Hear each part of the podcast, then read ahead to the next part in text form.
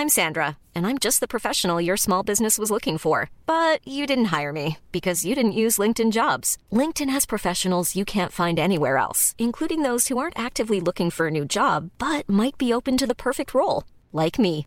In a given month, over 70% of LinkedIn users don't visit other leading job sites. So if you're not looking on LinkedIn, you'll miss out on great candidates like Sandra. Start hiring professionals like a professional. Post your free job on linkedin.com/people today. Since 2013, Bombas has donated over 100 million socks, underwear, and t-shirts to those facing homelessness. If we counted those on air, this ad would last over 1,157 days. But if we counted the time it takes to make a donation possible, it would take just a few clicks. Because every time you make a purchase, Bombas donates an item to someone who needs it. Go to bombas.com slash ACAST and use code ACAST for 20% off your first purchase. That's bombas.com slash ACAST, code ACAST.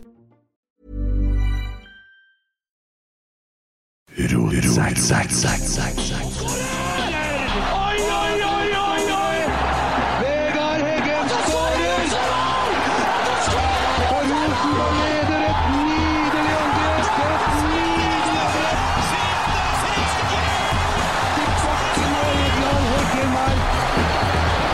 Se det synet! Se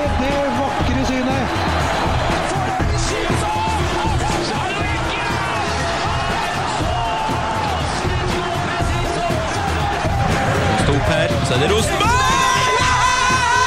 Kasper Tengstedt! Og du snakker om skåring!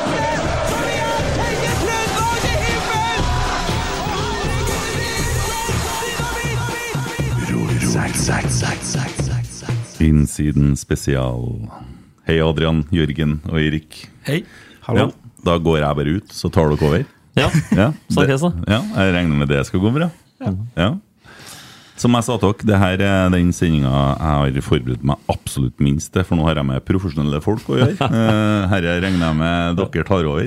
Eh, Ja, for Vi har samla inn masse spørsmål til deg, Kent, så det her blir jo et avhør. egentlig. Nei, Bare- men dere kan stille dem litt til hverandre og Ja. Ja, det skal vi få til. ja. ja, Ja. det det. Det er så koselig. Husk på at vi hadde jo podkast, det må ha vært i 2019. Vi hadde noen fine episoder der i Ro- Rosenborg Ballpod, så Ja, du, vet, jeg vet hvordan egentlig du liker å ha Kan du gjenta det du sa nå? Snakker jeg lavt her nå, eller? Nei, men det er mer sånn som det er på innsiden. Hva du sa nå? Hvordan er det på innsiden? Ja, at du er utafor mikrofonen. Den skjønner jeg. det- Den skjønte jeg ikke. Det irriterer meg litt, for at når dere har innsiden, så er ikke mikrofonen din på, det er bare mikrofonen på gjesten. Så Ja. skjønte ikke du den? Jo, jeg Ja, skjønte den. det, den kritikken jeg har hatt til innsiden, det at du ikke orker å ha på deg mikrofonen sjøl, og bare har mikrofonen til gjesten, så jeg på klippe bort Ja, det, det er intervjuene Ja, ja, ja. Isak og litt sånn, ja. Ja. Vi, det, hører det handler jo om at vi faktisk har rota bort den andre mikrofonen vår. Ja, det er det, ja. ja for da hører du Erik sånn Og så hører du den gjesten svare. Dere må fikse.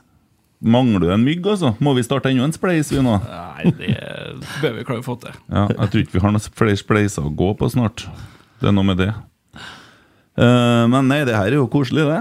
Veldig. Ja, Innsiden, eh, hva skal vi si? Vi, vi skal ha litt sånn uh, Dere er jo gjengen bak innsiden. Det har jo fungert ganske bra, kan jeg si. Er det mange streams på den? Eh, nå skal Adrian få ta over, her, for han har sjekka litt tall. da Så han, eh, Skal vi komme med alle tallene? Nei, eller ta vi- hovedtallene, du. Hovedtallene? Så, ja, gjør det. Eh, innsiden alle episodene er skjedd uh, 595 157 ganger. Det er bra. Ja, det er bra. Ja. Og det er tilsvarer 148 000 timer. Vi la vel ut en post for ikke så lenge siden synes jeg, med at vi runda 100 000 timer. Mm. Vi regna ut at det tilsvarte jo ganske mange år, det. Så det, det er mye folk som ser på. Mm. Og du er jo ferskesten på laget. Du ble henta fra TV 2. Mm. Eh, fikk jo en brakstart i Rosenborg med en musikkvideoproduksjon av en eh, altså, Faen, det var en som masa noe jævlig Ja, her. ja, ja, En liten masa. høring der. Så vi ga noe etter til slutt, da. Ja, for det er sånn det var. Ja, det er sånn det var. Ja. Masa det før, under og etter. Er det sånn det var? Nei, men eh, Nei, det var jo kanskje ikke sånn det var. Eh, men jeg husker jo Kent, at du ringte meg og så sa du at du hadde laga en sang. Ja. Og så sendte du Altså, det var jo bare demoen, på en måte. Du hadde spilt inn foran. Da ble jeg jo rørt sjøl. Jeg husker jo det. Jeg Ja. ringte dem en gang etterpå og satt i sangen der. Og så Da var det jo egentlig sånn uh, vi, Her skal vi hjelpe deg med noe. Mm. Og så gikk jo en liten stund før vi kom dit, men uh, det ble bra. Ja, jeg Ja. smelta Tove Mo Dyrhaug litt underveis der, og da ble det 'Vi skal lage video', så Ja, ja, ja. Ja, og det er jo takk for det. Ja, ja. Nei, det ble fint. eh, Ja, det ble en veldig fin sang. Var- Sangen er finere enn videoen, syns Nei, jeg. jeg syns videoen Men, er fin eh, òg. Det er smart, fordi at vi har mye unger med. Ja, Unge spillere. Ikke så mye gamle Champions League-klipp, sånn, men litt sånn nåtid. Mm. Eh, som hun liker å si, Rosenborg 2.0. Ikke sant? Ja. Eh, så nei, det, jeg syns den eh, funker kjempebra. eh, og ser jo fortsatt Jeg får jo snap og meldinger til folk som ser den. Så Adrian gjorde en utrolig god Ja. jobb. Kjempejobb. Jeg husker jo når han laga noe, altså Ja. når klippet den. For da, da holdt vi jo faktisk på å klippe første episode av Innsiden, for vi var på Gran Canaria. Ja. Og det var begge deler, og jeg var inne på rommet hans på slutten der, og vi bytta faktisk noen klippebilder på slutten der. Vi tok vekk litt uh, gamle spillere og litt sånne ting, så det var jo faktisk akkurat samtidig som første episoden med Innsiden ble laga. Og så hadde vi, hadde vi et dilemma, for Nils Arne døde jo uh, uka Stemmer. før. Ja. Og så skulle vi, måtte man vente ei uke med å lansere videoen, og så var det skal man bruke bilder av Nils Arne eller ikke, og så løste de det med statuen og bare navnet på Og så ene graffitien. Uh, og det syns jeg på en måte er litt sånn fint, for at, uh, da er en med uten at vi på en måte spekulerer i det. da Og det, det syns jeg var Det ble veldig fint. ja, Veldig fornøyd, og veldig kloke valg som ble tatt der. da Så Ja. Jeg er stolt av den. altså ja, det burde være. Ja, Det burde være. Starta jo egentlig med Men nå handla det plutselig om meg. Men, eh, Var ikke det vi sa til oss begynne med? ja, ja, vi starter litt med meg. Det, det er fint, det. Vi starta jo med den sangen til Kjetil Knutsen, men den fikk jeg jo retta opp nå på søndag. Ja, ja, jeg hørte det. Den var fin, den òg. Skulle vi ha laga en video til den òg? Jeg vet ikke. Jeg tror ikke vi skal lage den, i hvert fall. Nei, men poenget er, når jeg fikk se videoen første gang, så begynte jeg å grine. Det Ja, var, det var sterkt. Du ringte Ja. oss jo på Ja, ja, Da var FaceTime rett jeg, etterpå. ja, da Stemmer. var jeg utrolig takknemlig for det der. Fruen nå Ja. Vi, vi var ivrige der i sofaen da. Ja. Ja. Så, og det er, jo, det er jo ni måneder siden, og hun har jo termin i overmorgen, så du skjønner jo at det her ga jo eh, Avkastning. ja. Ja. Og sånn sett så er dette litt deres unge òg. Og da har jeg en kontrakt her i forhold til bidragsordning. jeg. Altså, jeg regner med vi er fadder- faddere alle tre. Nei, det blir bare på bidragsordning ved eventuelt uh, sporskifte. Men hva skjer hvis fødselen går nå Eller vann, fødselen går Hvis fødselen skjer nå, så må jeg dra. Så må vi bare ta over, ja. Ja, Det er så enkelt som det. Uh, hun sa på fredagen at du vet at det er en ting vi kan gjøre for å sette i gang fødselen. Ja, får du vente etter Rosenborg-Bodø-Glimt. sa jeg. Ja, nei, men, Og nå er onsdag. Nå er det onsdag, og nå begynner det snart om å vente etter Jerv Rosenborg. Ja. Hvordan har dere hatt det etter søndagen? da? Nei, jeg kan jo begynne, jeg, da. Nei, altså, jeg hadde det fryktelig fint. Det var Jeg ble, så glad på søndag. Jeg, jeg kan ikke eh, få sagt det nok hvor glad jeg ble. Um, nei, det var utrolig Utrolig deilig å vinne kampen, men eh, det viktigste var kanskje anledninga. At det var fullt på Lerkendal. At uh, det var liksom den kvelden man har drømt om siden fire-fem år. da, siden. Ja, for Som det her, er, det her er nært Ajax i forhold til følelser. Ja, det er faktisk det. det. Det er det. For at vi er i en annen situasjon nå selvfølgelig enn vi var da. For da var vi jo Ja, da vi jo, vant vi jo bare. Så det er litt annen opp, greie nå, men litt det samme. Ja.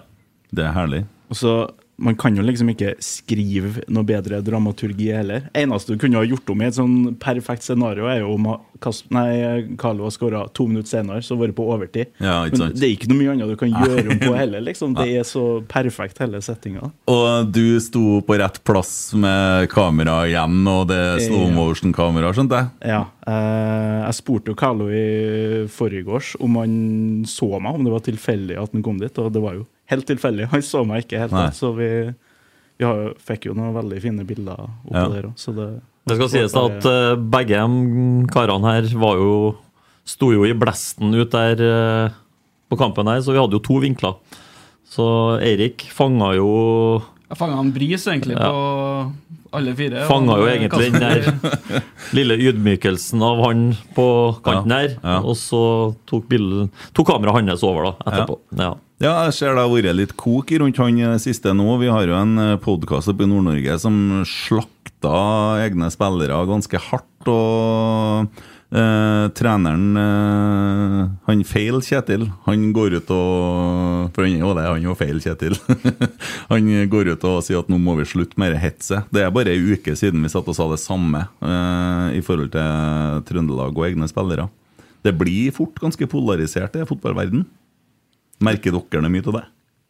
Ja, vel, jeg merker i hvert fall veldig mye av det. For at, uh, sitter jo og leser alt hele tida. Så at eh, Ja, nei, det kan gå litt stokk over stein innimellom. Det er ikke noe tvil om det. Eh, og så må man huske at eh, fotball er jo egentlig som Det, det er et slags teater. Det, det er veldig mange følelser. Så, og man blir kalt idiot den ene dagen, og så man elsker den andre dagen. Altså Man må liksom også tenke på det fotball er. da. Det sirkuset eller den bobla man lever i. Så, men det er klart at sjøl om man tenker på det, så kan det selvfølgelig gå over streken. Og det gjorde det kanskje med Ole, eh, og det har det tydeligvis gjort da oppe i, Bodø Mm. Mm. Ja, og det er jo en gang sånn at uh, når du ser noe avisene dagen etterpå, så har du jo kommentatorer som melder veldig hardt. Og så er det nå er det gammel storhet har riste seg og, og halleluja og sånn. Hvordan hadde det skjedd ut i avisene hvis vi ikke hadde skåra de to målene imot Bodø, eller bare ett av de to målene, eh, siste målene mot Bodø, altså at det har blitt uavgjort eller tap, da? Hvordan tror du det har stått da? Da er alt over. Det, og de skal ha klikk. Ja, men ja, og sånn er det jo. Det hadde jo helt sikkert vært det stikk motsatte. Nå skrev eh, Løfaldli at vi besteg det første fjellet, hva var det han kalte det? Ja. Eh, han hadde helt sikkert en annen variant på 2-1. Ja. Eller jeg rakk kanskje ikke å skrive om det, for vi skåra ja, 40 sekunder etterpå. men, men, eh, det, men sånn er det nå bare. Altså, det, det, det er marginer i fotball, og det, det, er, det er så lite som skiller liksom eh, Ja, og vi, Her satt vi og ga ganske dårlig score på spillerne. Og så tenker jeg, hadde det vært bedre da hvis vi har skåra 1-0 etter 37 minutter og, og hvert kampen, og så har vi bare gått kampen ut?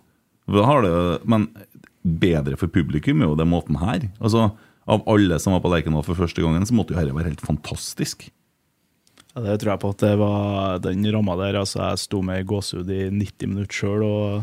Det som er det kjipe for meg og Eirik, er jo at vi, vi får liksom ikke helt bli med på den gleden når vi scorer. fordi vi skal jo stå og fange øyeblikket for alle de andre, på en måte. Men også, i hvert fall jeg da på 3-2 der, så står du jo liksom og tviheller. Du må jo holde inn følelsene, for du har jo lyst til å bare springe bort til Kalor og juble med dem. Du blir jo så dratt med. Mm. Og den, det var bare så magisk stemning på Lerkendal at uh, håper vi klarer å gjenskape det Mm. flere ganger. Og så i tillegg, Jeg får jo muligheten til å springe ut på banen etter kampen, og da er det ganske mange som eh, hopper rundt hverandre og klemmer hverandre, og da har du jo lyst til å bli med sjøl òg. Du står jo midt inni, inni det følelsesregisteret der, og så står du egentlig bare og tviholder på det. Så da, når, Så når du fikk ikke kosa med noen, du?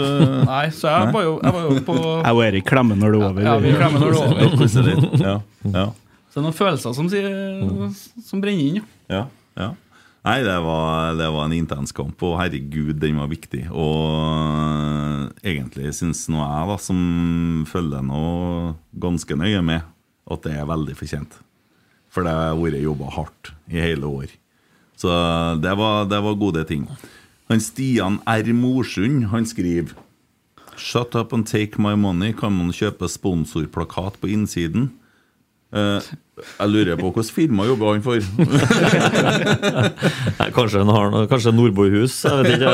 Forrige firma? Nei, jeg vet ikke. For jeg har jo inntrykk av at innsiden kanskje er en sponsorplakat for akkurat det firmaet han jobber for. Uh, Ja, det er det. Ja. Jeg tror det er en veldig bra sponsorplakat. Men det en kanskje tenker på, det er jo at uh, Stian og gjengen hans kanskje har lyst til å selge innsiden. da. Altså Kanskje klubben kan tjene noe penger, i tillegg til at vi lager et ok produkt. Ja, sånn, ja. Ja, Ja. jeg tror det kanskje det er det. Og der kan vi jo nå si at eh, vi har jo faktisk skaffa en samarbeidspartner til innsiden. Å, sier du det? Ja, det har vi. Og Ja. den, eh, den eh, samarbeidspartneren vises jo for første gang den uka her. Ja. Du vil ikke avsløre her hvem det er? Jo, Ja, det, det kan jeg gjøre. Ja. For det er, ikke, det er ikke så fryktelig spennende, men det er faktisk litt spennende lell. Ja. Det skal jeg forklare hvorfor. For det er Sparebank1 som har gjort det. Men eh, Sparebank1 er jo vår største samarbeidspartner, som sikkert eh, alle har fått med seg. Og de spytter jo fryktelig, fryktelig mye penger inn i Rosenborg. Men eh, det som er viktig å si her, da, det er jo at her er det faktisk, har de kommet inn med nye, friske penger for å ha lyst å vise seg enda bedre frem via innsiden. Og det syns vi er fryktelig kult. da. Så vi har skrevet en avtale for et par år, og så håper vi at vi holder på så lenge med det her. Ja ja, det, det må du nå. Ja. Ja. Ja. Eh, ja, Og da er det ikke noe omfordeling av midler her? Det, det er akkurat det som er det viktige å si. da. Ja. Det her, altså Vi har jo Jeg har jo jobba i Rosenborg fryktelig lenge, og det der med digital utvikling og tjene penger på digitale kanalene våre, så er jo noe vi har jobba steinhardt med lenge, og som har vært veldig vanskelig. Og Nå syns jo vi da at vi tidligere har hatt kule ting som vi også kunne ha solgt, men innsiden har jo virkelig vært en kul ting som vi følte vi kunne ha solgt. Ja. Eh, Så det skal vår midlertidige markedsansvarlig Bernt Halvor eh, ha. da.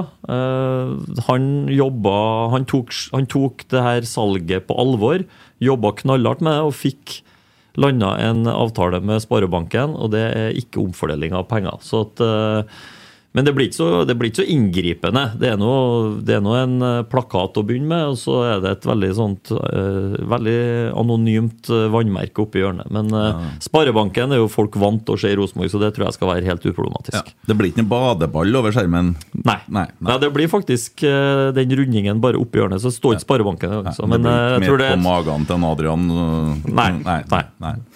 Nei. Men- altså, jeg, tror, jeg tror det blir bra, og så tror jeg så, eh, I tillegg så kan vi jo si at det samarbeidet stenger ikke eh, mulighetene for flere å bli med, så det jobber vi faktisk med nå. Å få enda med flere samarbeidspartnere på innsiden. da, Så vi faktisk kan bli en litt økonomi ut av det. Så da kan det komme en veldig god podkast Ja. oppi ja, det- Blåskjell. Ja.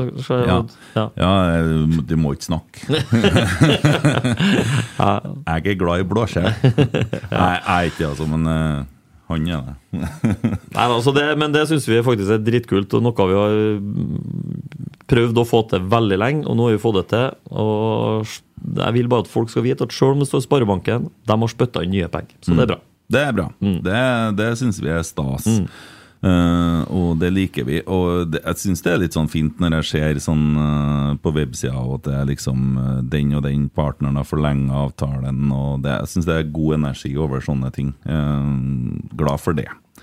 Så nei, det, det er vi takknemlige for til Sparebank1. Eh, bare mens jeg husker det, vi har en spleis på gang til FK Fosen, har dere hørt om den? Ja. Inn, ja. Skal jeg gå inn? Ja, det skal du. Ja. Um, så, fordi at vi ønsker jo å hjelpe en, en breddeklubb som uh, sliter litt økonomisk, og dem uh, de guttene de, uh, kjemper jo med hjertet utapå drakta, dem òg. Uh, de har jo noen utfordringer. De har jo ikke linjemenn. Nei? De har jo ikke mer enn ett draktsett. Den ene ballen deres forsvant. Det fikk vi ordna. Fikk en ball til Alex, og så fant de igjen den andre ballen på Byneset. Så nå har de to. Så det er bra.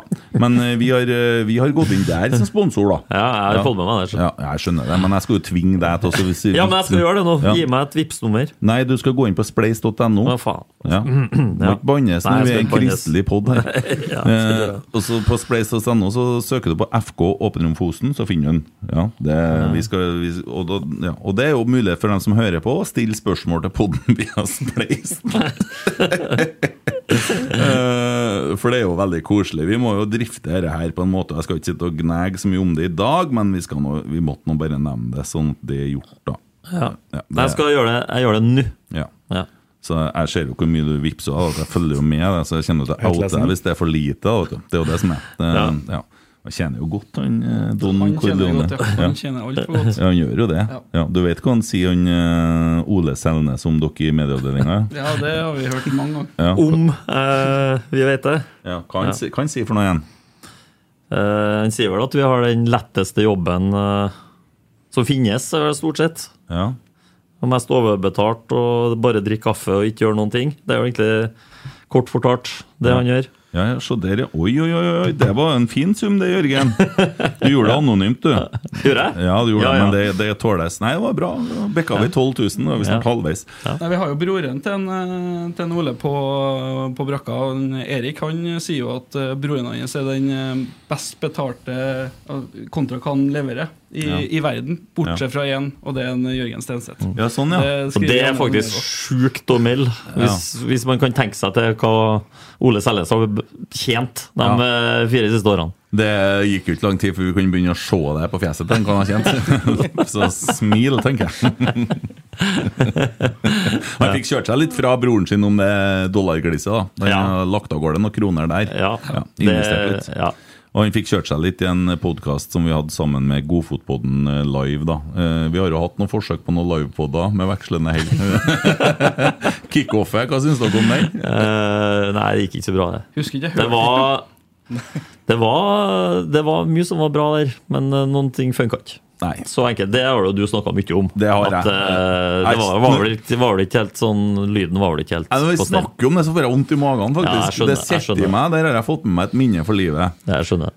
Emil Almås spør hvem av dere treene har eller er den beste fotballspilleren? Det må nå være Jørgen Stenseth. Nei, det tror ikke jeg. Det tror jeg er Erik. Ja. Erik har vel tror det meg. spilt Du kjører litt cageball og sånn, du? Ja. Ja. Hvem du spiller med? Ja, Adrian er jo med. Han ble nå skada nå for eh, seks måneder siden. Men eh, Ja. han er nå litt med. Og Per Ivar Staberg er jo et kjent ansikt, og en del adresser-folk. Det er jo adressa cageball vi faktisk er med på. Ja, det er det. Men, eh, Har du tatt inn sklitaklinger på en, uh, Stenersen, eller? Ja, jeg fikk jo oppdrag av deg og Knerten en gang. Ja. men han er jo laga av stål. Han så det, ja. jeg fikk jo vondt sjøl. Ja, for jeg ble ikke invitert der. Men, uh, Ja, men jeg kan invitere deg, men det er faktisk jeg som styrer den, selv om det er adressa som betaler for den. ja, hvor rart det har fått sendt et par av dem opp gjennom ribbveggen. Jeg har aldri spilt cageball, men jeg er sikker på jeg vinner. Ja, du har i hvert fall, Det er kort vei til nærmeste motspiller. da. Ja, men det er ikke sånn at jeg som da spiss kan stå med hoftefeste på midtbanen og lure på hva de holder på med baki der. Nei, det, det- det er ikke sånn. Nei, det er ikke sånn, er Og det er jo der jeg, det er jo det jeg kler, vet du. Det er det. Så jeg er en utrolig god spiss når ballen er baki. Står du bare og fisker? Så venter jeg på Ja. ballen. Ja. Mm. Ja. Odd Iversen sa jeg skjønner ikke hva de holder på med bak her. Så han sto på midtbanen og vinka. den er fin, den. Eh, Ole Kristian Gullvåg, hva er årets største skitt enn at vi fikk det her øyeblikket på film? Eh, hva skal jeg si til det? Det er noe vi ikke har vist. Og? Så, men som vi håper vi skal vise etter sesongen. Jeg, skal, jeg kan ikke si noe mer enn det. Ok, Men bortsett fra det, da.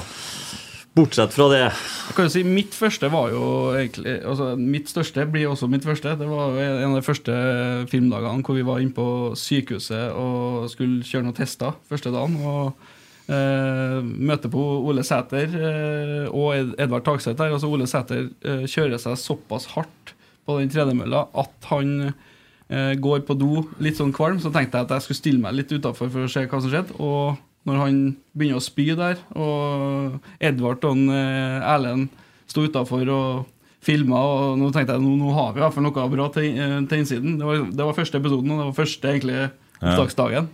Så det er egentlig det som har klamret seg fast. da Jeg husker at han kasta opp og ble litt bekymra for skal han der der bli spiller, tenkte jeg. Ja, det var ganske mange som var på det Ja. tidspunktet der. da Ja, ja. Kom jo rett fra Ull Kisa og benken der, eller skadetid, og så begynner å kaste opp. Eh, Ja, Bekymringsfullt, det. Men det nevnes jo det Luna òg, da. Det Ja, er jo et ganske bra øyeblikk. Bursdagsgaven fra Gøril den, eh, den ble publisert. Eh, Kjetil insisterte på at det her skal med.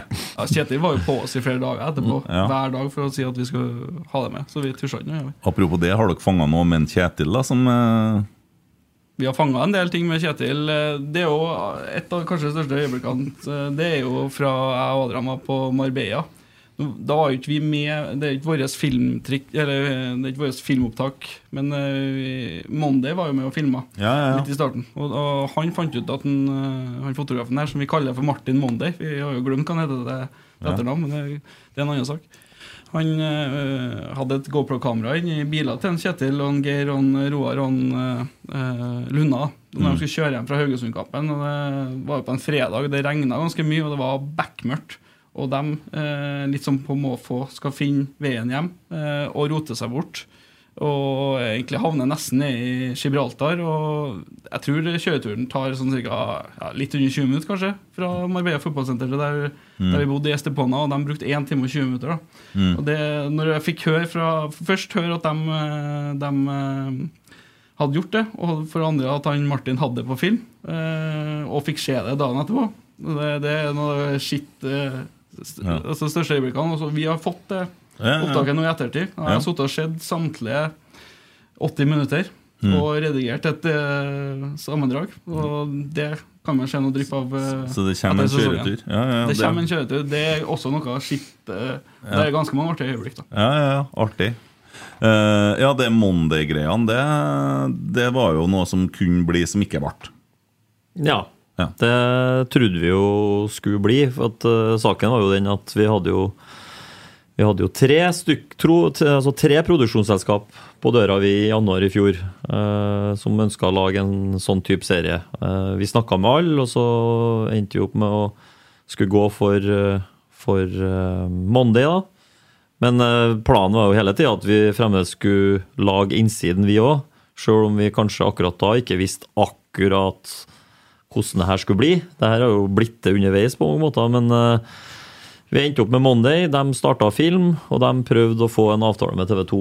Eh, Og i mai så uh, var jeg nedover til Oslo sammen med Monday i TV 2 på et sånt siste push-innsalgsmøte. Og så gikk det ei uke til, de hadde ikke fått noe svar. Og da kunne ikke de forsvare å filme lenger for egen regning, rett og slett. Så da måtte de bare pakke, pakke sammen snippsekken, og da, da ble det ikke noe ekstern serie om Rosenborg. Nei, det er jo litt synd, men samtidig så har vi jo på en måte fått utrolig mye i innsiden, da.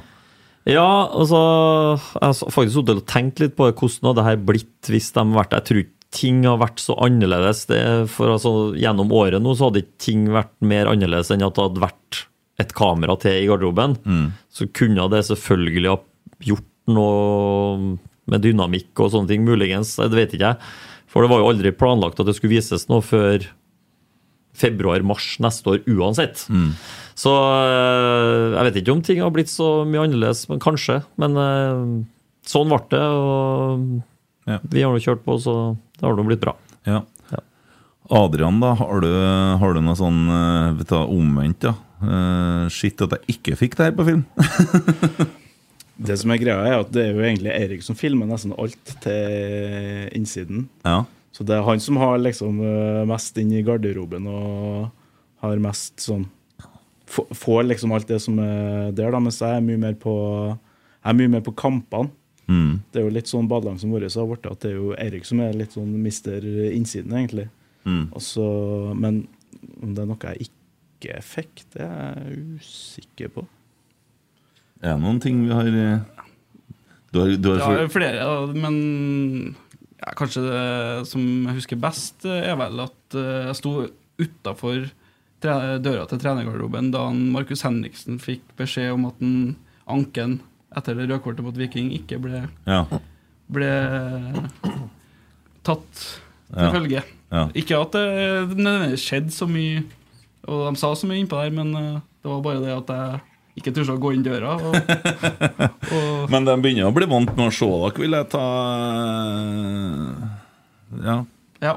Mm. Etter det så har jeg begynt faktisk å gå inn på trener, trenergarderoben når jeg føler for det, og de har nå ikke kasta meg ut ennå. Er liker, Kjetil liker litt annet. De har nå egne kallenavn på alle tre, da, så vi er nå Lillesneik, Mediumsneik og Sjefsanakondaen. Så Ja, ja. Vi får høre det jevnt og trutt. Rattlesnakes. Ja. det. Det er veldig mange som har begynt å kalle den Jørgen for Don og Capo og Don Stenseth. Ja, Det er jo en Helland sin skyld, da. Ja, men vi, vi har fyra opp under. Ja, nei, sier du det?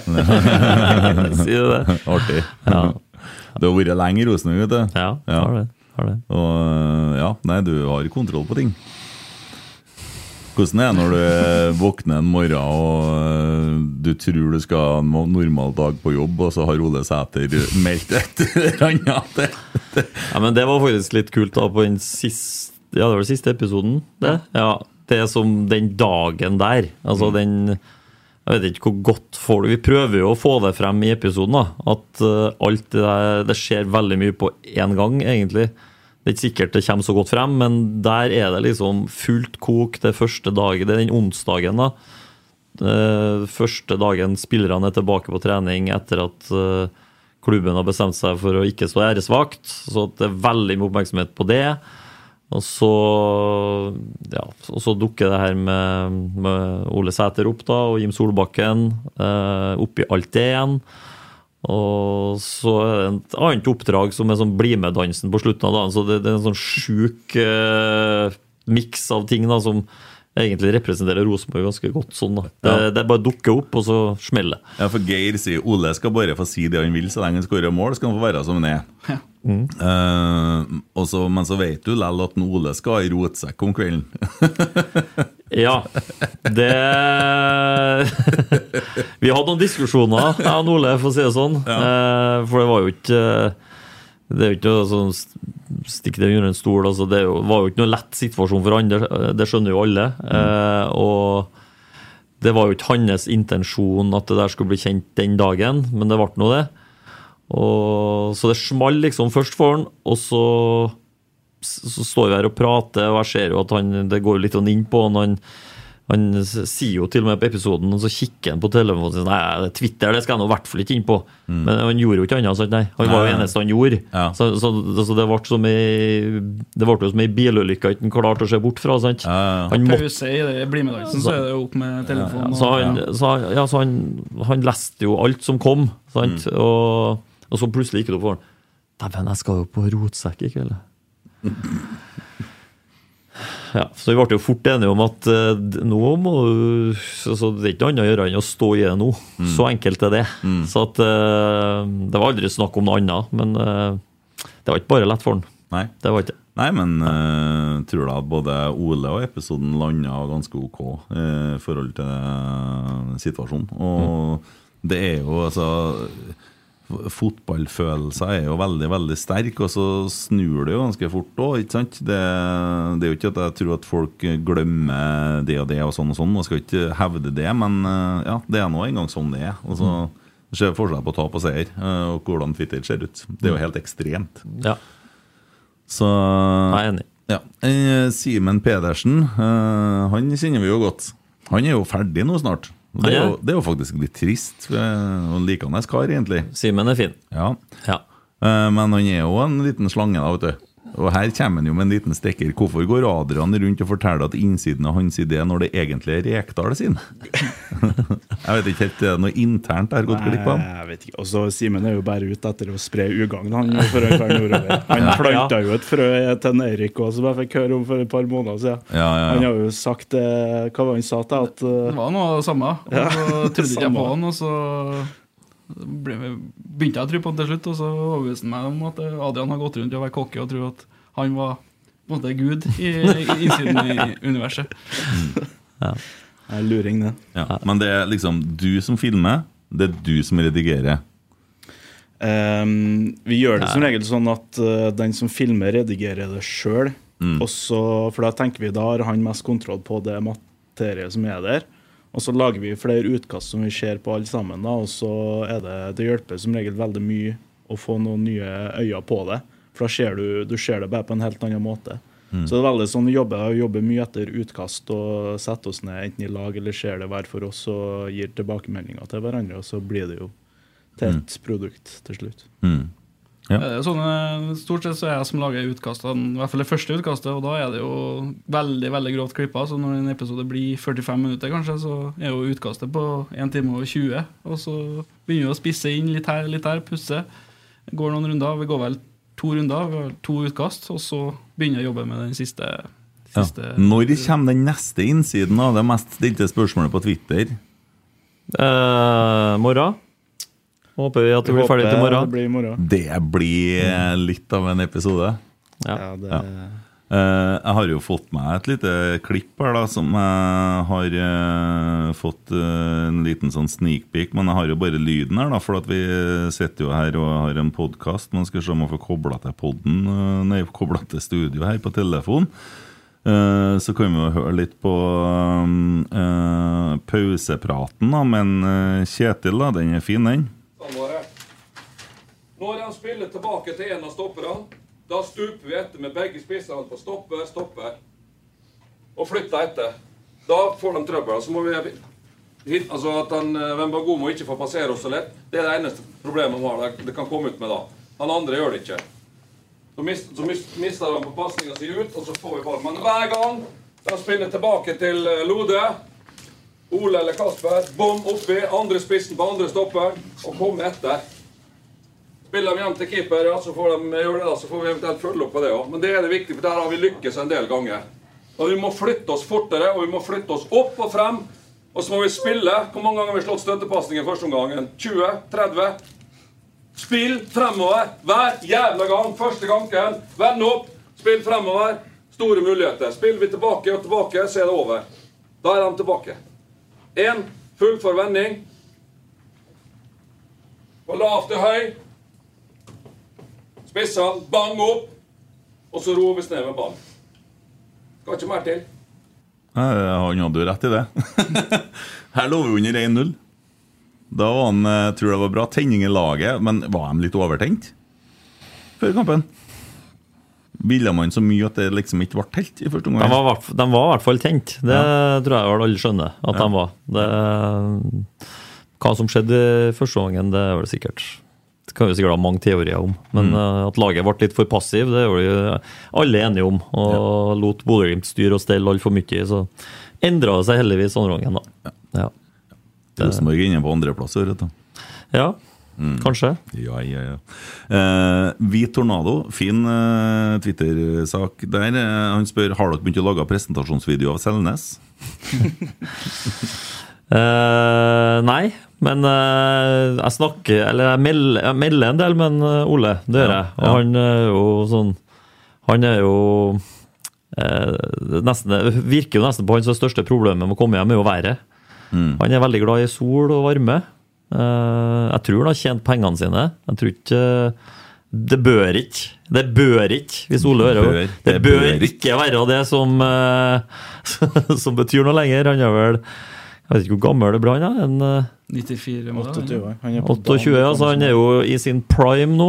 Mm. Så hver gang vi meldes, da, så er det stort sett han som eh, melder om hvor, si hvor ræva vær det her, hvor fint han har det der han er. Og så sier jeg til han hvorfor han skal komme hjem. da. Jeg prøver å overtale han hver gang. Så det er stort sett det det går i, men eh, ja, kanskje det er på tide at eh, Ole kommer hjem nå til sommeren. Jeg tror det. Eh, og nå er det jo så mye meldinger igjen i dag om temperatur som stiger i verden og klimaendringer, at jeg tror at eh, altså det, verden vil jo ha Ole Selnes til Trondheim nå. Eh, det er jo så enkelt som det. Det er jo samme temperatur nå i Trondheim som det var i sommer. da Ja, ja, altså Det er jo sommertemperatur, ja, så det er ti grader. ja, så det, det er helt nydelig å spille fotball i. Du blir ikke svett heller. Men jeg kan si det, da. Sist jeg har jo Sånn har jeg holdt på med i lang, lang tid med Ola, Men eh, de siste gangene jeg snakka med han, han har ikke eh, Han har ikke vært like negativ. Nei. Det, jeg kjenner at det er ikke Det sitter ikke Det er ikke så langt unna som det var. Du er klar over at Marius Dahl ligger på en sofa med tastatur og ser på dette her nå? Mediasjefen melder kontakt. Nå har du gjort det. Ja, ja altså jeg har, jeg har hatt kontakt med deg, jeg kan innrømme det. Men Ja. eh, jeg har ikke noe med det å gjøre. Det har ikke jeg. Men eh, jeg merker at han er mindre liksom negativ. Ja. Vi Hvis vi skal tolke noe her. Ja, ja. Mediehuset Rotsekk erfarer, skriver vi nå. Ja. Eh, Trollkjerring er inne på noe interessant. Eh, Trollkjerring er jo veldig glad i Rosenborg Kvinner. Eh, og hun sier hun regner med at dere tar over kontrollen av medieavdelinga på Koteng Arena etter hvert også. Er det planlegg om innsiden der? Uh, vi har snakka om det, men det er klart at jeg, tror- det, jeg tror det er altfor tidlig å si, da. Men eh, det handler veldig mye om ressurser. Altså, Vi må huske på det nå at uh, når vi starta med innsiden i januar, så hadde vi masse planer hva vi skulle gjøre. Innsiden var én av de planene. Men innsiden har endt opp med å bli det vi har gjort. Fordi at eh, det har balla på seg. Det Ja, så fikk dere jo en gave her fra Rotsekk. Dere slapp å holde med Rosenborg-pod unna. Det, Ja. det ordna seg. ja, ja, ja. Jo, jo, det, det er fint. Men altså, vi hadde veldig mange planer. Men det, har- det har blitt innsiden. Vi, det, det er egentlig det vi holder på med. Og så ble det jo ikke noe enklere når min gode venn Adrian ved siden av her eh, har vært litt bort fra jobb òg pga. en liten nakkeprolaps. Så at, eh, og det, og, og sånn, eh, sånn er det. Og det egentlig handler egentlig alt om innsiden. Hva ofra man ikke for innsiden? Så Nei, ja. på meg Det var- han, det var der du ja, fikk han prolapsen. En dag så bare ja, han, han satt pal foran den eh, skjermen, og til slutt så Ja. Går det ikke an å kjøre noe preventivt der og montere den på en krage eller å teipe den på forhånd? Bare teipe den fast foran Kjøre bekken en der. par runder med gaffa sånn ja. Ja. Nei, men Poenget mitt er, er egentlig at det å lage det produktet vi lager nå, er utrolig ressurskrevende. Det tar utrolig mye tid. Det, det er egentlig altoppslukende. fordi at når du har da øh, Sånn som i, når vi skal publisere en ny episode, så øh, da er liksom jaget etter den nesten. Altså, du, du, du kommer liksom aldri ut av det. Og det er greit, fordi at øh, da, folk har digga det, og det har vært kjempebra. Og blitt et kjempeprodukt. Og da eh, det, det er for så vidt greit, men vi skulle jo gjerne laga mye annet innhold òg. Men, men også Og, men jeg kom til poenget. da. Ja. Poenget er at eh, hvis man skal lage innsiden på Koteng, så da, det, da er vi avhengig av uh, mer ressurser. Og, og det er nok i det blå nå hvordan det blir på Koteng. Og, ja, så det er egentlig det som Men svaret på har, har eh, Rosenborg Kvinner egen medieavdeling? Nei. Nei. Eh, fordi at eh, det vi ble fortalt når klubbene ble fusjonert, var at de var veldig sterke på sosiale medier. Sterkere enn oss. Altså oss er mannene. Ja. Det ble man fortalt. Jo, jeg skal ikke gjøre det her til noe debatt og sånne ting, for det har nå blitt fusjonert, og det er noe greit, det. Men samtidig så er det jo en Markedsverdien er jo kanskje ikke fullt så høy på Koteng Arena som den er på, på Lerkendal. Det, det må man jo være ærlig og si. Ja. Men, og, og er ikke det sånn da, og det har jeg jo sagt, uh, sånn som Trollkjerring, som er veldig entusiastisk der, burde ikke noen der begynne å lage en podkast hvor de må begynne å bygge ting fra bunnen av? Og så burde ikke burde ikke det skje der med ektefølt uh, entusiasme? For det blir konstruert hvis det kommer noen inn og skal begynne å uh, gjøre det som en betalt jobb fra den andre sida. Altså, skjønner jeg at dere har en betalt jobb på innsiden, og sånn, men skjønner jeg poenget mitt? Ja. Ja. Men jeg tror at uh, vi er nå én klubb fra 1. januar, og sånn er det. Uh, så tror jeg at du kan liksom ikke bare kopiere det vi gjør med herrene, over på damene. bare sånn Ja, men- og tenk at uh, hvis vi lager det samme produktet på Koteng, så blir det Nei, det så, så jo er 25 Men 000 seere. Det, det skjer jo ikke. sant? Du, du er jo nødt til å starte en plass. Og da, eh, om det er å lage innsiden eh, fra start av, det, det tror ikke jeg. Eller jeg, tror ikke, jeg tror ikke man får ressursene til det. da. Så Nei. man må starte en annen plass. Nei, for det skal i så fall tas fra deres, deres budsjett. Det er jo det som er sagt. Uh, og, og så er det jo det at du sier at det er én klubb, men det er jo to lag. Det er det. Ja, Eller faktisk flere lag, da. Det er jo Ja. Rosenborg 2 og gutter 16 og Ja. 1000 forskjellige varianter av det. Og nå neste år så blir det gutter 15, 17 og 19. Med Svein Målen faktisk inn i akademiet, som jeg syns er kjempebra. da Men, men du så jo det at når øh, vi gjorde jo Vi, vi, vi, vi testa litt ut, sant. Vi, når, når de møtte Real Madrid, så prioriterte jo vi å, å sende en Erik ei uke til Madrid, sant. Ja? Og da laga han jo tilsvar Altså, det var jo ikke innsiden han laga, men han laga jo innhold på vårt vis med damelaget. Så det ble jo på en måte Vi, vi testa det litt ut, eh, gjorde vi da. Men at har, altså, med riggen vi har nå, så har ikke vi kjangs å, å, å gjøre det samme på Koteng akkurat sånn som vi er nå. Da må, da må i hvert fall klubben eh, eh, omprioritere ganske kraftig, og det må jo i så fall vi være lydhøre for, for selvfølgelig. Men eh, hvis man ønsker at det skal fortsette sånn som det er nå, med det vi holder på med, og få noe ekstra på Koteng, da må, tror jeg det må mer ressurser Ja, ja. ja. Og hvis det blir blanda, så tror jeg det blir lyd, ja. Da blir det lyd herfra. Ja. Mm. For vi vil ikke ha lapskaus, vi vil ha indrefilet. Vi vil at det skal være sånn at man vet hva man får. Dere har jeg brølla om før òg. Når ja. Rosenborg herrer skriver på sine sider at Rosenborg damer ditt og datt og sånn. Jeg syns man skal skille det veldig tydelig, sånn at man vet hvor man skal forholde seg til. Jeg, jeg tror vi er ganske sikre på at vi ender opp øh, Vi ender nok opp med ulike kontoer. Ja. Altså Vi kommer ikke til å få en felles Twitter-konto, Facebook-konto og sånne ting. Men at Rosenborg ballklubb sin la oss si Twitter-konto eller Facebook-konto eh, deler videre noen ting som eh, damelaget har de, delt med sine følgere, det tror jeg kan skje. Mm. Så får du bare klype deg i låret når det kommer, og holde ut. Mm. Ja. Jo, nei, jeg, jeg tror bare på at det er det som skaper størst interesse med oss på den sida. Ja, ja, ja. Jeg vet det er mange meninger rundt det der. Men uh, jeg tror det er sånn det blir uten at noe er liksom helt Jeg var aldri noen fan av bare Absolute Music heller, for å si det sånn. Jeg likte rene album, skjønner du. uh, Trym Riise spør hvem byr mest på seg sjøl til type innsiden intervjuer og andre settinger. Eller for å si Who byrs mest on himself when it's interview with the English people and shit? La oss snakke litt om den engelsken i intervjuene. Hvem er best, og hvem er dårligst? Av oss? Ja. Det er jo bare jeg som snakker engelsk i intervjuene. Ja. Er så dårlig? Nei, dårlig, men Salbakken-nivå, jeg får litt uh, Hva heter han? Heierdal? Det, det er litt der. Ja. Det er søtt. Ja. og det blir forståelig. Det er ikke noe med det, men det er litt søtt. Ja, det er bra. Det er litt ekkel, men gjør jeg jeg meg, jeg forstått, så er jeg egentlig Ja. det det nivået jeg ønsker å legge meg på. Snakker ikke du engelsk igjen? What? Ja. Nei. Nei.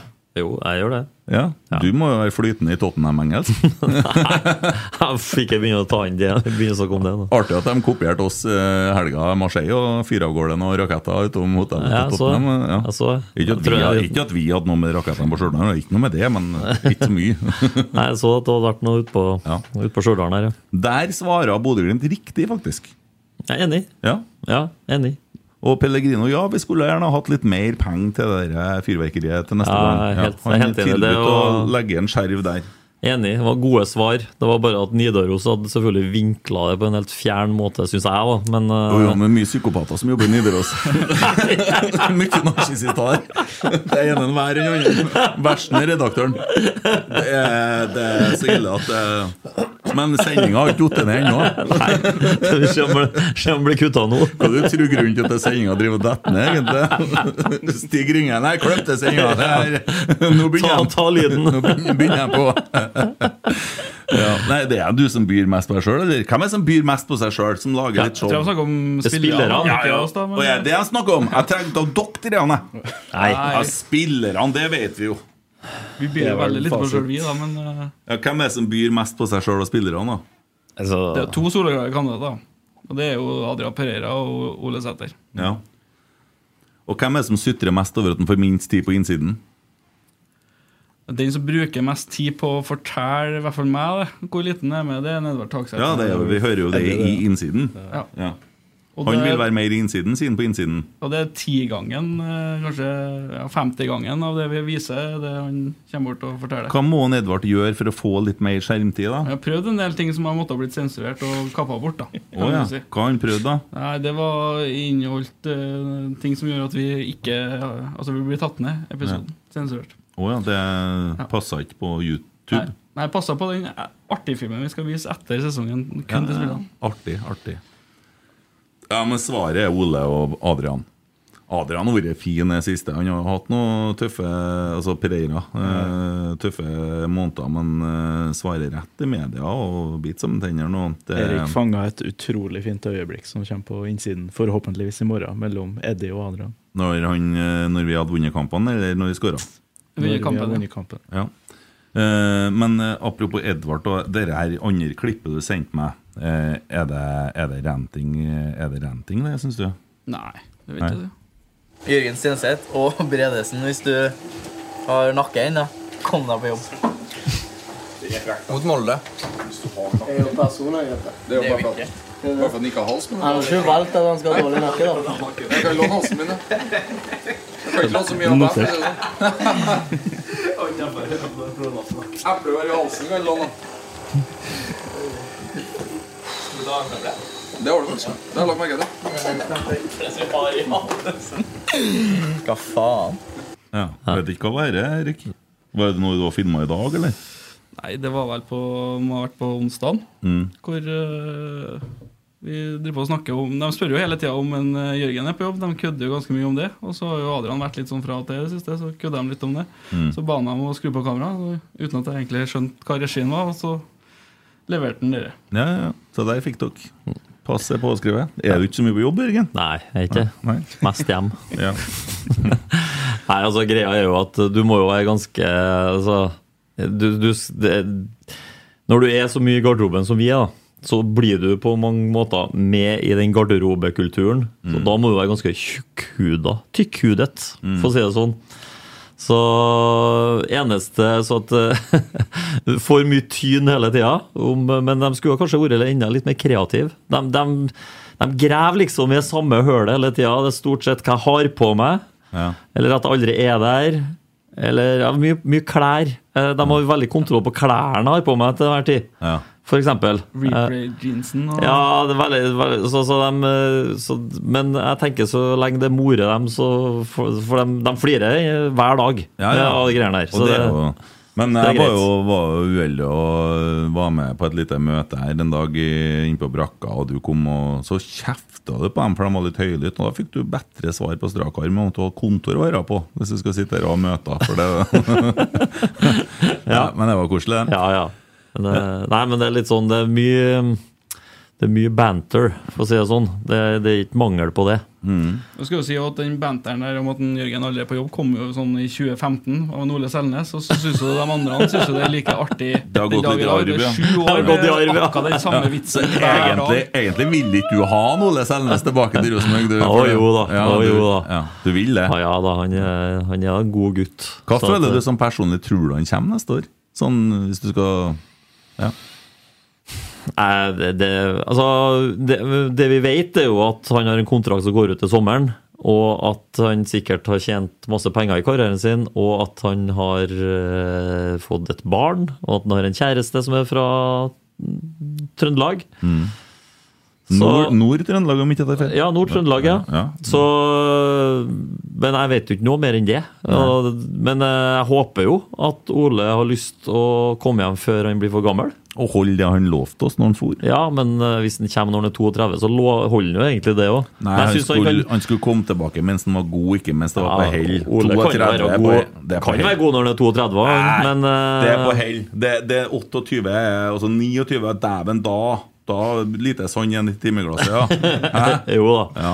Nei, jeg håper, jeg håper det. Altså tror jeg at det er fint og en fordel at han har type Markus Henriksen på laget. Og, altså Han har noen gode kompiser som er her nå, da. Mm. så kanskje det har noe å si. Jeg vet ikke. Men jeg håper jo det, at Ole skal komme tilbake. Ja. Lone Martinsen lurer på om du kan lage, dere kunne lage en innsiden-julekalender. Kun 24 episoder, og helst en time hver. ja, jeg så det. Det er litt artig det der med når dere begynte, så var jeg liksom sorry, altså, men jeg ble litt lang Eller Jeg ble 30 minutter. For lang og for kort, sier folk! Det ble litt sånn her Og så kunne det være enda kortere, og ble folk sur. Det skal være lengst mulig. Ja, det var jo litt sånn artig start, for at vi la ut den første episoden. Nå husker jo ikke jeg akkurat hvor lang den var. 27 minutter. Ja, ja 27 minutter. Og da var vi jo Da, da Da hadde vi kutta ganske mye. Ja, vi kunne hatt 50 minutter da, faktisk. Ja, og da visste vi jo ikke Vi visste jo ikke helt hva det her skulle være ennå. Eh, jeg og han var jo eh, på Gran Canaria. Eirik fikk, hadde fått covid, og var ikke det? Jo, ja, Ja, covid, så, så, og vi var på etterskudd, og vi, altså det var egentlig et salig kaos. Det. Musikkvideo. Ja, musikkvideo hadde en jævel som masa Nei, Ja, nei, så, øh, nei, så det var egentlig et salig kaos, det der. Han var hjemme sjuk. Vi prøvde jo å lage annet innhold samtidig som vi skulle lage ferdig her, osv. Så, videre, så ja. Ja, Du har jo tross alt et lag å drive med trenere og styre Roar Vikvang og alt det du holder på med på fritida. Du styrer jo godt. Det er jo Nei, så Du minner meg om han der du ser på landslaget til Norge som går i dressen i bakgrunnen der. Du er han som går i dressen i bakgrunnen i Rosenborg. Ja. Ja, ja. Ikke han, Jo, det er du, det. Det er du, det. Så ikke lenge før du kommer og river en Pål André Helland ut av et intervju, skal du se. Stopp! Stopp! Tror ikke å si mer om Det Det tror ikke jeg skal gjøre. Ja, men det er jo artig, for vi, som vi snakket om eh, tidsbruken da, vi var vel, Mens vi var på Marbella, da eh, sendte vi et utkast hjem til Jørgen. Her er det vi tror episoden er, og da var vi vel på nesten på 45 minutter etter å ha hatt noen episoder på Mm. en halvtime. Og da hadde vi noen diskusjoner, egentlig, oss treene på Mm. Er det så lenge, kan vi ha dem egentlig så lange som de er? Og, Og så laga vi jo én episode skal sies også, ja, på Gran Canaria. Et par dager etter den første. Det, det er jo minst sjette episode nå, for den varer vel fem minutter. eller sånn. Det var ingen som uh, Nei, det må være Men det er noen utrolig bra slow-bilder av guttene i bar overkropp da det, på stranda her. nå skal Så hvis noen ikke har sett den, så må de inn og se episode to. og så er det et av de mest undervurderte øyeblikkene i innsiden. Ja. Det er Et av de mest undervurderte øyeblikkene synes jeg, innsiden Det er når eh, Jørgen filmer at Adrian filmer en Renzo presentasjonsvideo og snakker på kav trøndersk 'hold føttene til sida'. Altså, jeg har jo klippet meg sjøl jævlig dårlig, det fordi det står jo en tolk rett bak meg, men han har bare kutta ut. Så ser ut som jeg snakker trøndersk. Hold venstre her. Men Renzo er trønder, han. Jo, der fikk jo med noe med en Geir òg. Skjønner ikke norsk? Nei, Nei ok, vi møtes klokka to. Eh, Jonas Aune Sunde, det er òg en skapning på Twitter. vet. Han er en skapning av underholdende. Ja, Bror din. Polarisert. Ja, ja, ja, ja. Han liker Store følelser. Jeg er litt sånn firestarter til de der. Ja, er. Jeg er glad i Jonas. Jeg vil ha et five-a-side-lag. Kan vi få et five-a-side-lag med de mest PR-kåte spillerne som gjør alt de kan for å være mest mulig på innsiden? Tidligere spillere er også tillatt. Det er ikke lov å svare Ole Sæter. Vi kan Ja. vel starte med Neddy, i hvert fall. Han eh, pusher jo veldig hardt for å prøve Ja. å bli med. i hvert fall Han Han er jo bankers. Ja. Så prøver han på vegne av en Sander Ta- Tangvik å ha med han, men han fryser jo til hver gang vi filmer. Ja, han Så det var nesten første gang vi hadde med når han tok en sånn etterligning på Nedi i forrige episode. Ja, ja. Så Nei, det er litt vanskelig, egentlig. Hvem som uh... Men det jeg kan si, er jo at eh, dem- det tok ikke lang tid før de ble veldig sånn eh, bevisst, liksom, på at de at vi, hva vi holder på å lage, og hva det, det, det er jo noen som du merker egentlig ikke bryr seg. Og så er det jo noen som eh, spiller opp til dans litt da når kamera kommer òg. Mm. Det, det er jo det. Eh, så, men det er nok de navnene som er nevnt her, som er veldig sånn eh, Ja, hvis du skal først. gå litt tilbake, da, Christian Gytkjær og gutta der og, oh, ja, hvis, oh, ja, hvis du tar alle? Ja, ja. Ja. Du har jo hatt noen profiler opp igjennom. Eh, ja. Du har jo sånne maskiner som Birger Melding, sikkert helt håpløs, for han er på jobb hele tida. Sikkert kalender på alt han gjør. Oi, ja, da ble jeg liksom tatt på senga av spørsmålet der, da. Ja. Men, eh, Pål, da. Pål- er jo Pål er jo bankers, er eh, på et sånt uh, five-a-side-lag. Det er jo ikke noe tvil om. Uh, Tore Rigg er vel ikke uh, UFN for å stille, for han mener vel kanskje at han er best i det meste? Ja, men eh, nei. eh, nei, jeg tror, nei, han var ikke sånn. Han var Han var ikke Han måtte helst mases med på alt. Stort sett. Mm. Søderlund ville jeg kanskje likt eh, å vært foran kamera i år. Det er jeg ganske sikker på. Ja. Som han, Søder han Første perioden når han var i Rosenborg, så laga jo han og Skjelvik en egen serie. Blant annet. Ja, stemmer. Og det er en legendarisk Eh, episode med en sørlåt hjemme hos Ja, Alex og, så det, og det var jo på eget initiativ, og sånn, så han var veldig sånn eh, på fremfot der, da, og syntes det her var artig å lage sånne ting. Så ja, han, i hvert fall første perioden så hadde han kanskje blitt litt lei det kjøret der når han kom tilbake. Mm. Muligens. Ja. Hadde han. Ja. Akkurat. Eh, Nikki Bille. Ja. Akkurat sånn å tenke der. Han eh, var Han likte seg i spotlighten, ja. ja. Mm. Det gjorde han. ja. Er, du, er du god i dansk? Uh, nei. Nei? Jeg er ikke noe god i dansk, nei. Hvem er verst å skjønne på Rosenborg nå, da? Jeg syns uh, Carlo kan være vanskelig av og Jeg syns eh, det kan være litt vanskelig Når de snakker sammen, er de jo helt forferdelig å Ja. skjønne. Ja, for de, de, de, i hvert fall Carlo han skjerper jo seg litt når han snakker eh, ikke snakker med danske kompisene sine. da. Ja, ja. Gjør han. Eh, Carlo sier jo hva nå? Ja. Gjør noe til hva? Å ja. Eh, og så fikk dere med at Kasper Tengstedt så ut som en sliten alenepappa som uh, nettopp hadde pappahelg og sånn. Uh, det var jo artig. Vi har Ser nyvåkna ut, ofte.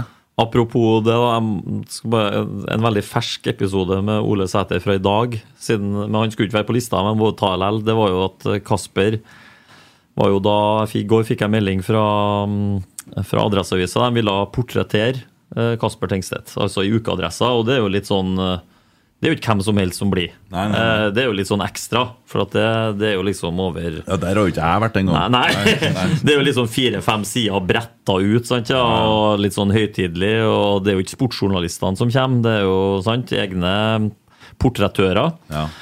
Eh, så det skulle han, eh, sånn Kasper Ja, nei, det skulle han gjøre eh, Få det unna veien, så han skulle ta det i dag, da. Så han skulle møte Han ante ikke hvor tyholttårnet var, da. Det, det er jo én ting, men så sto, sto vi i garderoben i dag, og så hører en Ole her, da, vet du, at ja, hva skal han på?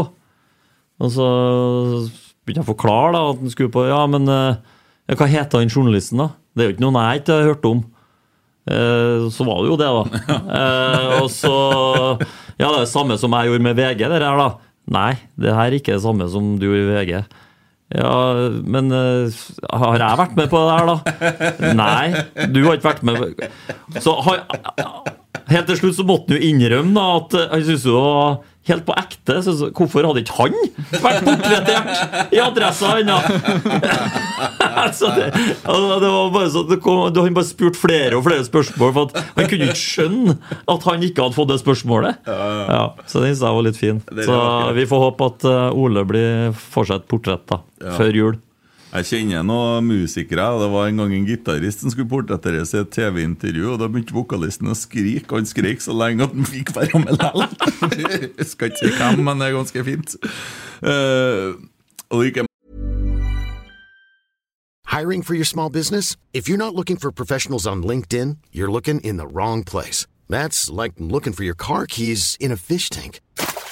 LinkedIn helps you hire professionals you can't find anywhere else, even those who aren't actively searching for a new job but might be open to the perfect role. In a given month, over 70% of LinkedIn users don't even visit other leading job sites. So start looking in the right place. With LinkedIn, you can hire professionals like a professional. Post your free job on linkedin.com/people slash people today. Since 2013, Bombas has donated over 100 million socks, underwear, and t shirts to those facing homelessness. If we counted those on air, this ad would last over 1,157 days. But if we counted the time it takes to make a donation possible, it would take just a few clicks. Because every time you make a purchase, Bombas donates an item to someone who needs it. Go to bombas.com slash ACAST and use code ACAST for 20% off your first purchase. That's bombas.com slash ACAST, code ACAST.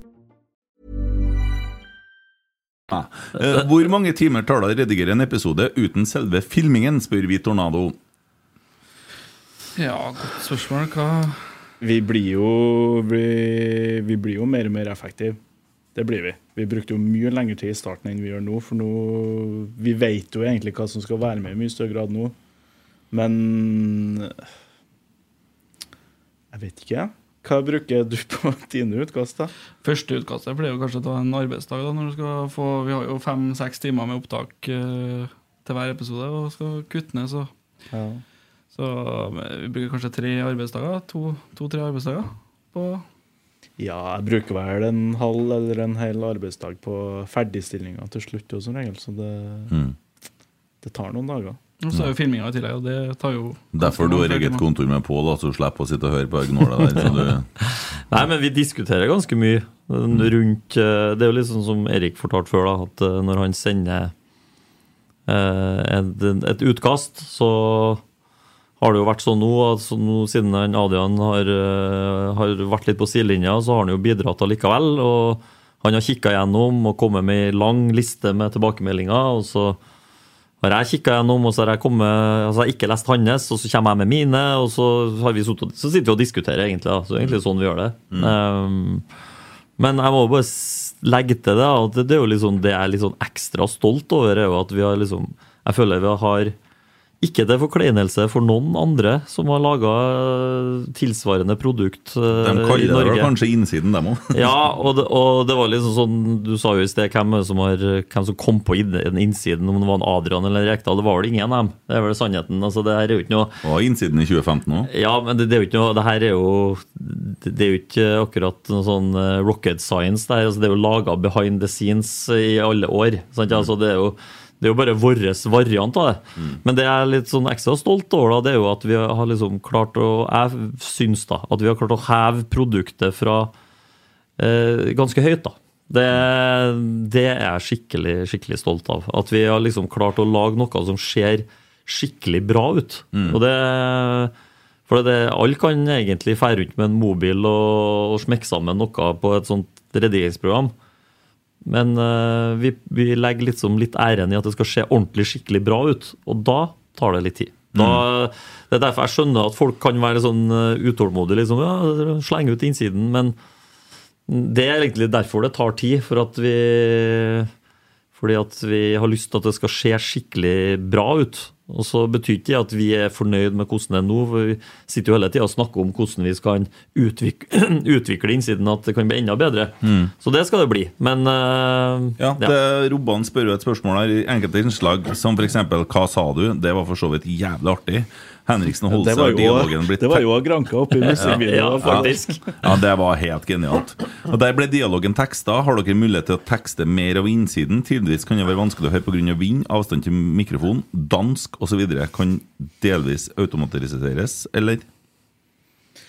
Altså, teksting, Det som er med teksting, er at det tar sinnssykt lang tid. Mm. Det tar så mye tid, så vi, det har ikke blitt prioritert uh, enda, i hvert fall. Jeg tar det så langt. Ja, Jeg driver og tekster et par Har du prøvd Hitler-videoer. har du prøvd å tekste dansk? Uh, nei, men du kan få skrive på norsk, se. Nei, nei, men det tar veldig lang tid, for du må jo se gjennom flere ganger akkurat de tre sekundene der, så skal du skrive det rett. Og så det er ikke sånn at uh, det tar eh, tre sekunder å tekste tre sekunder akkurat. Det tar Nei, nei, ganske lang tid. Jeg forstår det. Så det, det har bare blitt nedprioritert enn Ja. så lenge, i hvert fall. Vi har tatt det verste, det vi i hvert fall mener som er det verste, det Ja. vanskeligste av noe tid, har vi lagt inn. da. Ja, en Lydutfordringa, da. Hvordan har dere snakka om det? Så det kan jo være litt avstand til ting, og det blir litt varierende lyd. Ja, det, det er jo litt sånn et valg vi har tatt, da, fordi Ja, det er jo veldig tydelig når han intervjuer folk oppe på medieavdelinga at det valget er at én skal ha mygg. Men i hvert fall sånn som det er i garderoben. Riktig sånn, mann fikk mygg, da. At spilleren ja, ja. får mygg, og ikke han som stiller seg sjøl. Sånn som det er i garderoben, f.eks. om Kjetil snakker, så er det jo Det er én ting at det er kamera der, og det har de jo vant seg til. Og det venter de seg til mye fortere enn jeg faktisk trodde, jeg òg. Men med en gang du får en mikrofon på deg, så er det noe helt annet. Det er bare Kanskje vi skulle ha vent dem til det med en gang, nesten. Jeg vet ikke. Men det jeg tror ikke vi kan begynne å mygge folk nå, i hvert fall. Så Nei. det er jo vi, vi, vi er jo litt sånn flua på veggen, da. Så det, det er litt av det man ofrer på en måte med å få det man får òg, føler jeg. Mm. Agent Solbakken nei, til en, eh, til en eh, Ole Selnes som ringer. Det var faktisk Mikke Dorsin, så vi får se etterpå hva han, det- han vil. Ja.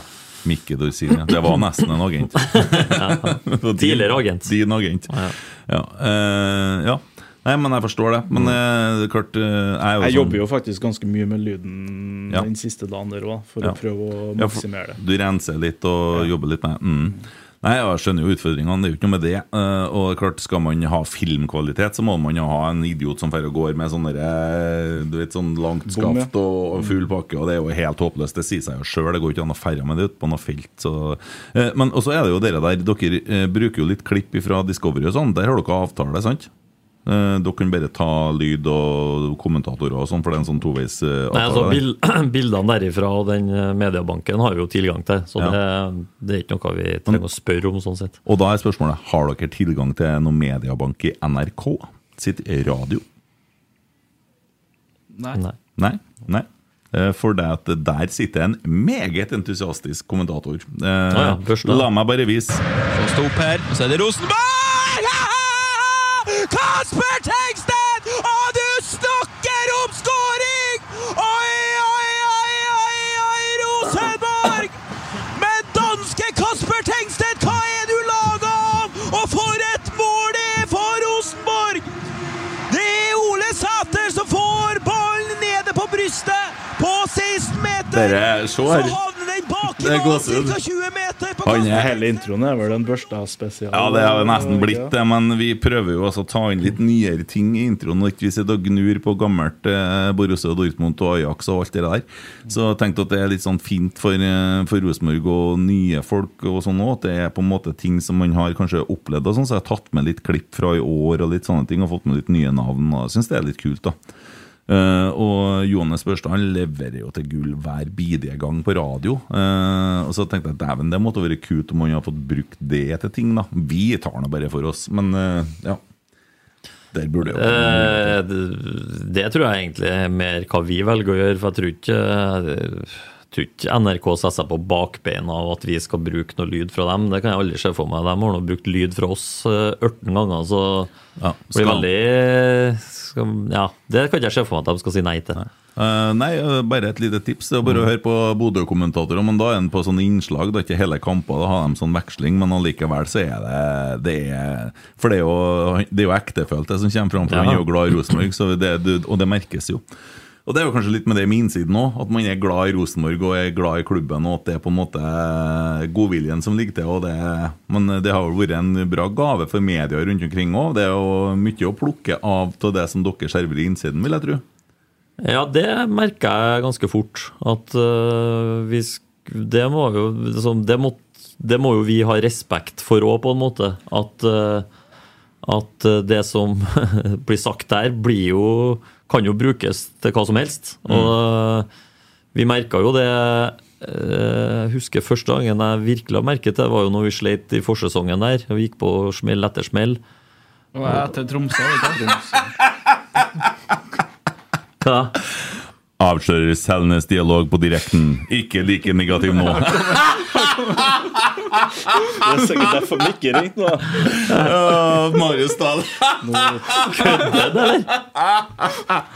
For at Tror du, tror du at du sitter i Nea radio, eller? Skjønner du at nå er du kommet opp i toppen på podlistene her?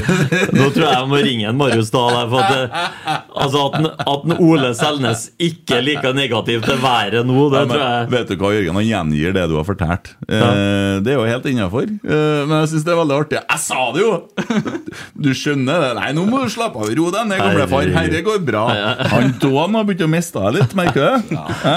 Han er mer sånn Dån på slutten der, i Gudfaren vi, 2 vi vi, kjenner han jo ganske godt. Han er jo myk på innsida. Så Ja, ja, ja. skal, Jeg flirer, jeg. altså. ah, Herregud. Nå er jeg seriøs, da, så ringer en eh, Marius Dahl. Altså. Det går jo ikke an, det der. Dere er morsomt. Dere, dere er god humor. Ja. det Det er, der går jo faktisk ikke an. jo, det går an. Dem, dem har du jo si. Altså, da, skal jeg, da skal jeg like å se hva Marius Dahl skriver om det. Altså. Da sier jeg sånn Mediers. Ja, det var artig. Det var artig. Uh, Avslører Selnes-dialog på direkten. Herregud. Fire snapper. Ja, kødder du? Det, det går ikke an. At det går an. Ja, ja. Men, sånn funker det. Men eh, vi fortsetter nå bare med Ja. sendinga, vi. Så Ja. ikke må ikke holde igjen noe mer nå. Nei, nei, nei. Har du snakka noe med noen andre spillere? Har du snakka noe med Jonas Svensson, Jørgen? nei. Ja eller ja, det det. Har du det? Ja. Hvordan er eh, var- Følg med nå, Marius. Ja, det er en ny sak. Hvordan er været der, Jonas? Der er mye sol i Tyrkia. Ja, Savner en Trøndelag? eh, Ja, ja, ja. ja. Ja, der, er, det- veldig fint vær, da. Det er fint, ja, ja. Fredrik Mitsjø, er det finvær der han er? Nei, Fredrik har ikke jeg snakka med på en stund. Nei, å, nei. Er i Tyrkia, han òg? Ja. Er, det noe, noe du avslører nå, eller er det ja. Nei, fa, farsken. Han er ikke i Tyrkia, kanskje? Nei, på tur hit? Ja. Ja. Uh, ja, nei, dere var søtt. Dere var Ja. søtt. Eh, Elisabeth, ikke et spørsmål, bare skryt. Takk for innsiden. Det er fest i heimen hver gang ny episode slippes. Og det er bra ikke oftere, for da hadde vi jo utvikla alkoholisme, tenker jeg. Uh, det var for så vidt humor, men du sitter vel og jobber litt nå. Ja, det- Ble du litt tatt nå? Nei, nei, nei. Sånn bekymra, mener jeg. Nei, nei, nei, Tatt ble du kanskje ikke. Nei, nei, nei. Jeg bare syns dere var veldig, veldig spesielt av Marius. Må jeg bare si. God humor. Jeg synes det er Ja, Det er jo ikke humor når han lager en sak, da. Ja, Men, men du har jo nettopp sagt det. Du, Ja, ja, skriver jo sannsynligvis ja, jo, bare ja. det du sier. eh, ja, men ikke tittelen. Det inngår ikke. Men- går faktisk ikke. Nei, jo, det gjør jo det. Nei, den, den går faktisk ikke. Men det er greit. Ja, artig, artig Ja. men litt sånn Det er jo bare Det er jo Det er jo agurk, da. Ja, ja, ja. Det er greit, det. Jeg får ringe etterpå. Eh, Sander Solberg, hvorfor bruker ikke spillerne egne sosiale medier i enda større grad til markedsføring? Det er der de unge følger med. Hvor mange jenter følger ikke Vekka? Da tenker han vel spesielt ikke på eh, Tinder, men kanskje andre. Jeg vet ikke hva et angrep. Han har jo kommet seg på TikTok. Han. Og Arne, ja. Mm. ja. Nei, men Vi har ikke noe kapasitet til det, i hvert fall. Men det er jo noen av spillere som har eh, noen sånne selskap som ordner sånne matchposter og sånn for seg. da. Mm. Men uh, vi har nok ikke kapasitet til å begynne der, i hvert fall. Sånn Nei. som Har, Rotsek, nei, har Rosenborg Snapchat? Ja. ja. Ja. Vi har det. En som filmer litt content og sånn? Nei. Nei. Rotsekk har jo en Snapchat-konto jeg skal filme på nå. For dette kom også et spørsmål Kommer det innsiden av innsiden på innsiden i Rotsekk. Og det kan vi jo lage akkurat nå. Og så er spørsmålet kommer det innsiden av innsiden på innsiden i. Rotsekk. Og svaret er ja. Svaret er ja på er det. Svaret er ja. Svaret er ja på det. Så ja, nei, men det Nei, jeg ble litt satt ut, Jørgen. Nei, jeg, jeg bare skjønner ikke meg på Marius. Nei, nei, nei. Ta, ja, men nå kommer det sak. Petter Rasmus. Jørgen avslører skjønner seg ikke på Marius Dahl. Så det en det er vel ikke en ny sak? Raser. Det er vel Dagbladet. Raser mot Uh, Push-varsel og alt på det. Det helt nydelig. Nei, ja, men Guttene er på. Men du ser jo hvor mye, hvor mye Rosenborg betyr for folk. da Og Hadde det ikke vært interesse, så ingen som har skrevet noe. Nei, Det blir jo veldig meta at, eh, at Marius Dahl sitter og kikker på en podkast som går på Nidaros, det, og skriver en sak om det. det ja. det, ja. Det er Nå er er Nidaros nivået ligger, da. Nidaros er jo rotsekkavis, og vi har jo full kontroll der. Vi har jo lært av deg. Vi styrer jo alt her. Ja, jeg regner med du har full styring på Nidaros. Ja, det er veldig enkelt. Så i dag har jeg gitt beskjed om at sendinga skal funke, f.eks. Det er sjelden at det gjør det. vet du Nei, men ja. kanskje han gjør det nå? Mm, det gjør det. Ikke et spørsmål, en hyllest. En vanvittig jobb disse gutta har gjort for klubben vår. Andreas som skriver 'måtte innsiden vare i all evighet', og det er flere som hiver seg på, da. Uh, og det er jo eh, så i forhold til I forhold til profilbygging, i forhold til å skape personligheter og sånne ting, for det snakka vi jo om i fjor og før i fjor, at det var litt sånn Vi mangla litt uh, typer. Og det mener jeg jo at dere virkelig har bidratt til. Ja. Det, det er jo profilbygging. Det er jo ikke tvil om det. Så, det. Og jeg tenker jo at innsiden er Ja, øh, gjenspeiler de verdiene som står på veggen på brakka. Én etter én, egentlig. Så, så jeg syns at det klaffer veldig bra med det. da. Mm. Vi fikk jo litt sånn aha-opplevelse egentlig var det høsten i fjor da eh, Carlo var med på podkast med, med Adressa og åpna seg opp i to timer, og ganske mange snakka om eh, Vet ikke Hvilken podkast han var med på? Rasmus og Saga. Nei, nei nå, nå, nå kan du se. Var med på Hæ? Nei, Ja. Han var med på én podkast Ja, ja, ja. som handla om Rosenborg. Eh, En annen podkast. Ja. Og, og, og folk i ettertid prøver snakka om at Oi, aha, jeg visste ikke at en Carlo var sånn. Og Mm. han, han, det er ganske mange som snakka om at uh, de så han i et helt nytt lys. Ja, for han kom var- jo rett før covid, og vi eh, fikk jo ikke muligheten til å være tett på og viste egentlig ganske lite fra internt. Mm. Uh, og det å kunne vise en person som Carlo, som vi gjør nå, og de Mm. andre, og vise dem frem hvem, de, hvem han er, det, Ja. og det er flotte typer. Jeg må bare si jeg tulla litt, men den episoden er faktisk veldig bra. Mm. Det er verdensklasse, det. Så som jeg sier, klokke som står og virker to ganger òg. I døgnet. Nei, jeg tuller bare. Artig å plage dem der. Det er jo, det er jo litt artig til oss, det. ja. Det beste podkasten med Carlo den han hadde med Markus i en annen podkast, Ja, Rotsekk, tror jeg. Det sier seg sjøl. Ja. Det kommer jo på en måte bare dette an. Nei, men jeg syns de gjør en god jobb. Det skal jeg ha. Eh, Robin spør hvor mye dere tjener på YouTube, og det er spørsmål om å selge osv. Men nå fikk vi jo litt inntrykk av det i stad, at nå har man jo fått en, uh, fått en investor, eller altså en sponsor her.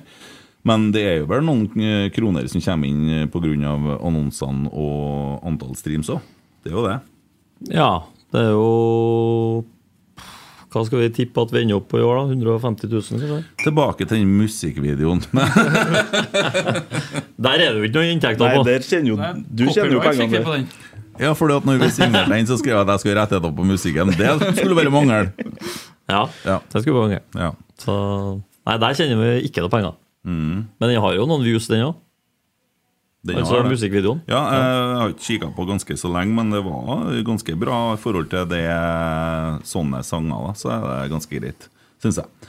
Og ser jo stadig folk som Men nok om den. Eh, Torsdagsbikkja. Eh, Stensetovic, eks-shopper, RBK-shopper, Arne Strøm Tingstad, mener at du er Trondheims nye Rune, nei, Odd Rune Volden. Kunne du tenkt deg en jobb i Morgenradioen eller Midtnytt den dagen du er ferdig i RBK? Ja, hvis jeg skal gå i fotsporene til Odd Rune, i hvert fall, Ja. så blir det jo sånn. Ta oss tilbake til P4 og første runden på Lerkendal. Ja, det, det har jeg jo snakka om forrige gang. Jeg Ja, ja, det, var helt, det var helt nydelig. Ja, ja. må, måtte noen øl til for å Ja, det ble sånn til slutt, ja. For å komme over nervene. Men eh, ja.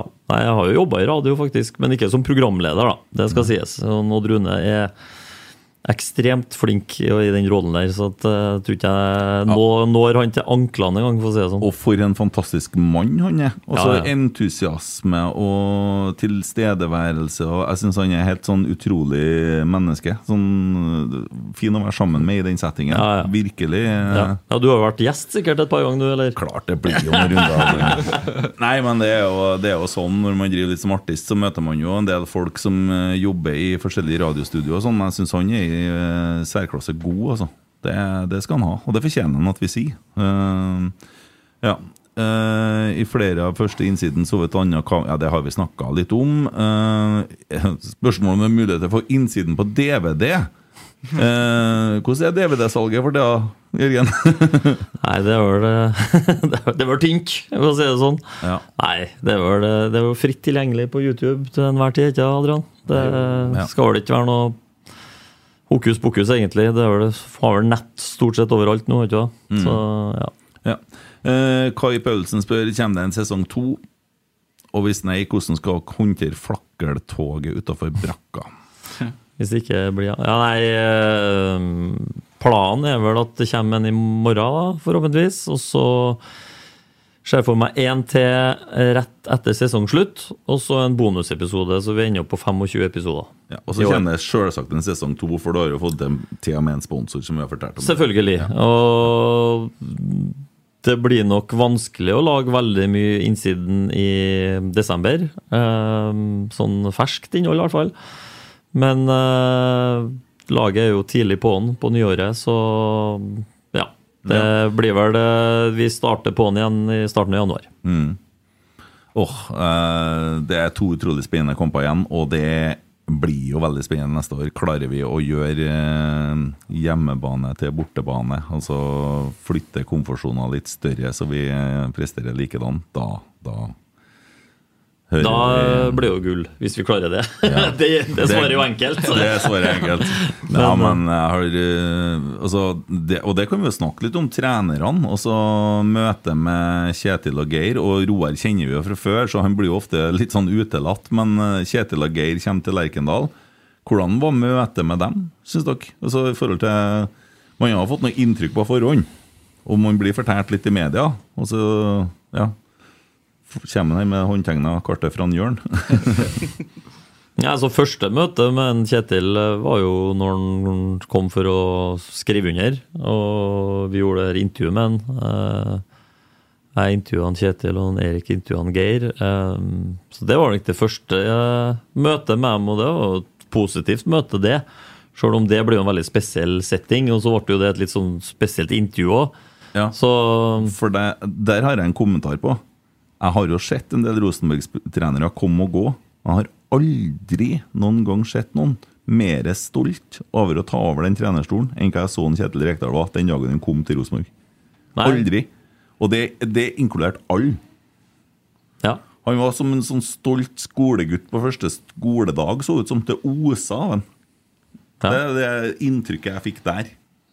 Så skal det jo sies òg, da, at hadde det ikke vært for Kjetil og Geir og Roar, så har vi jo aldri fått laga innsiden heller. Jeg tror ikke det er mange trenere eller trenerteam i Norge som har gått med på det der. altså. Mm. Og de gir oss jo tilgang til så å si alt, egentlig. Ganske mye mer enn det vi så for oss, for vi var, gikk jo ganske stille i dørene de første månedene. Og så har vi bare blitt mer og mer husvarm og skjønt at de tillater alt. Er egentlig, I uka her var det første gangen jeg har blitt stoppa, og da var det at jeg filma Geir snakke spansk til en Renzo, og da, da sa han nå er det nok spansk på, på innsiden her. Så da ble jeg stoppa, men eh, det går jo mer på Ja, og det var jo en diskusjon òg. Det var jo noe i forhold til trener og taktikk og sånne ting. Og så, og så ble det noen kommentarer på at det var dårlig taktikk, men det var jo innsiden som valgte å redigere det ned for ikke å gi for mye til motstanderne. ikke sant? Det var ikke Kjetil og Geir som holdt igjen. Det er jo egentlig vi som er veldig forsiktige i starten her, som ikke vet eh, Eller vi prøver å gå ut rolig og ikke Mm. Sitter og tenker på første møte med Kjetil ennå? Nei, nei, nei. nei, jeg hører hva Erik sier. Jeg stemmer det han sier. Det er jo litt sånn at vi måtte jo føle oss litt frem sjøl om, selv om de øh, Hvis du sier første møte var jo den, den uka som vi filma når han kom. Og da satte vi oss ned og Eller vi hadde vel egentlig De var oppom en tur før det, eh, så kom de tilbake. Og det var jo da egentlig vi planla at øh, Altså, jeg snakka med dem og sa at vi har lyst til å gjøre det her.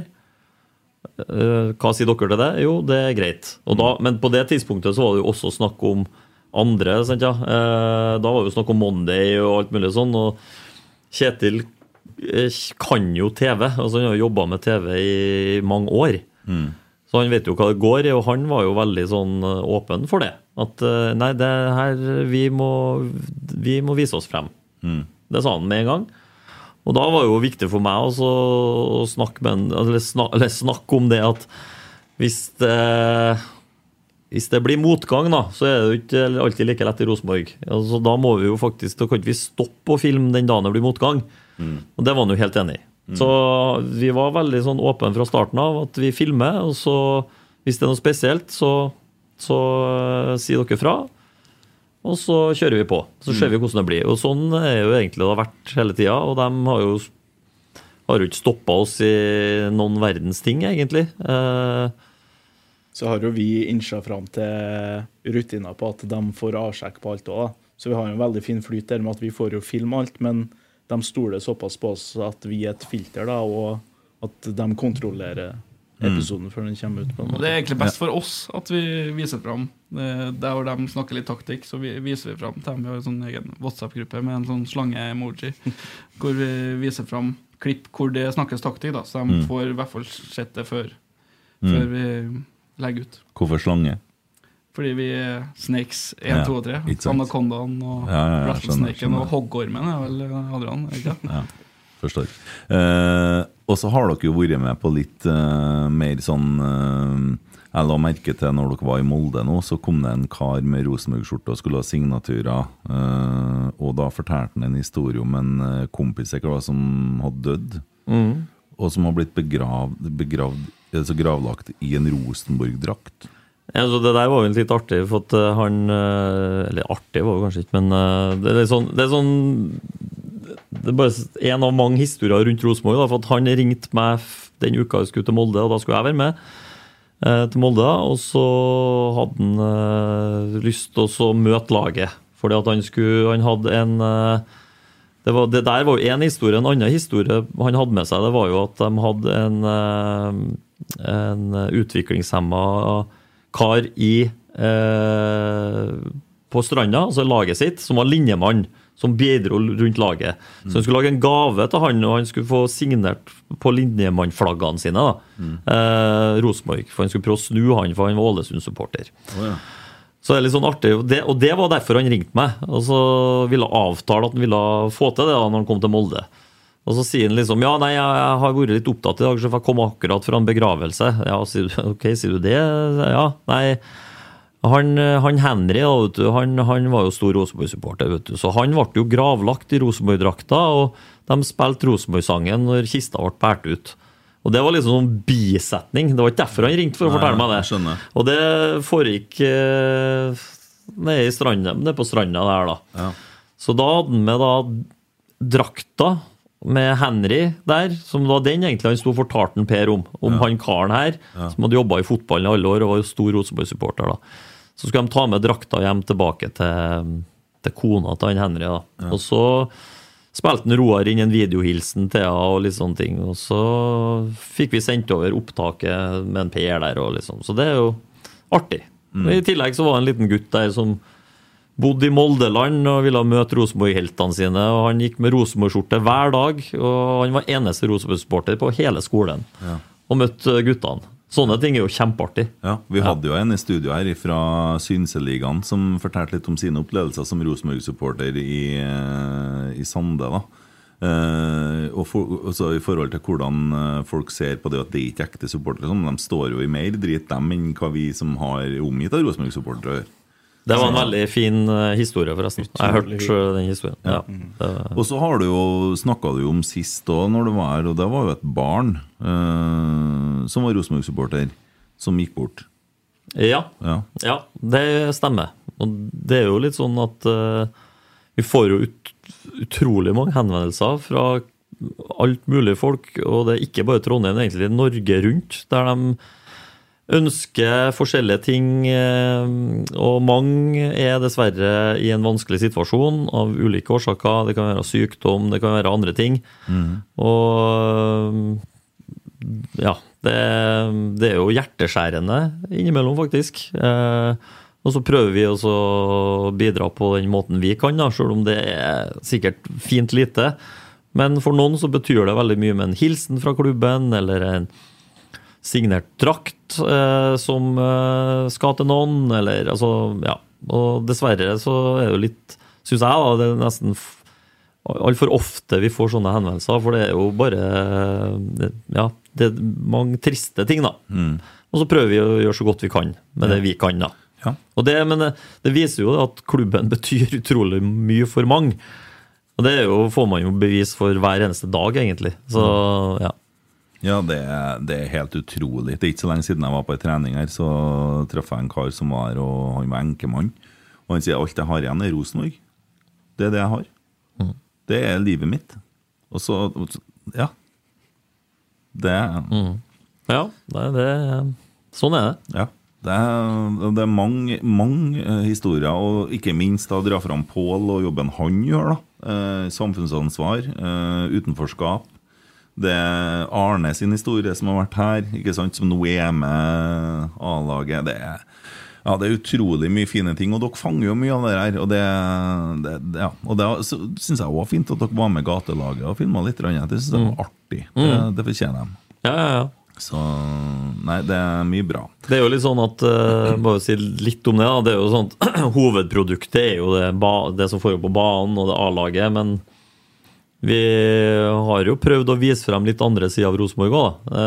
og det kommer vi sikkert til å fortsette med. Eh, det kan, om det kan være gatelaget eller eh, Pernille er vel så vidt med i episoden som kommer i morgen, eller at det kan være en Tetti på akademi, eller ja, Så sånne er det er cupfinale neste lørdag. Ja, det er. Rosenborg eh, Strømsgodset på Kåseng Arena. Mm. Som mm. folk gjerne kan komme og se på. Der eh, tror jeg nok vi kommer til å være. Ja, og anbefaler jo folk å legge an til ei fotballhelg her, for at du får kamp både på lørdag og søndag. Og det er viktig med gutter 16-laget. Er- Det, det er et veldig bra lag. Utrolig godt jobba på akademinivå.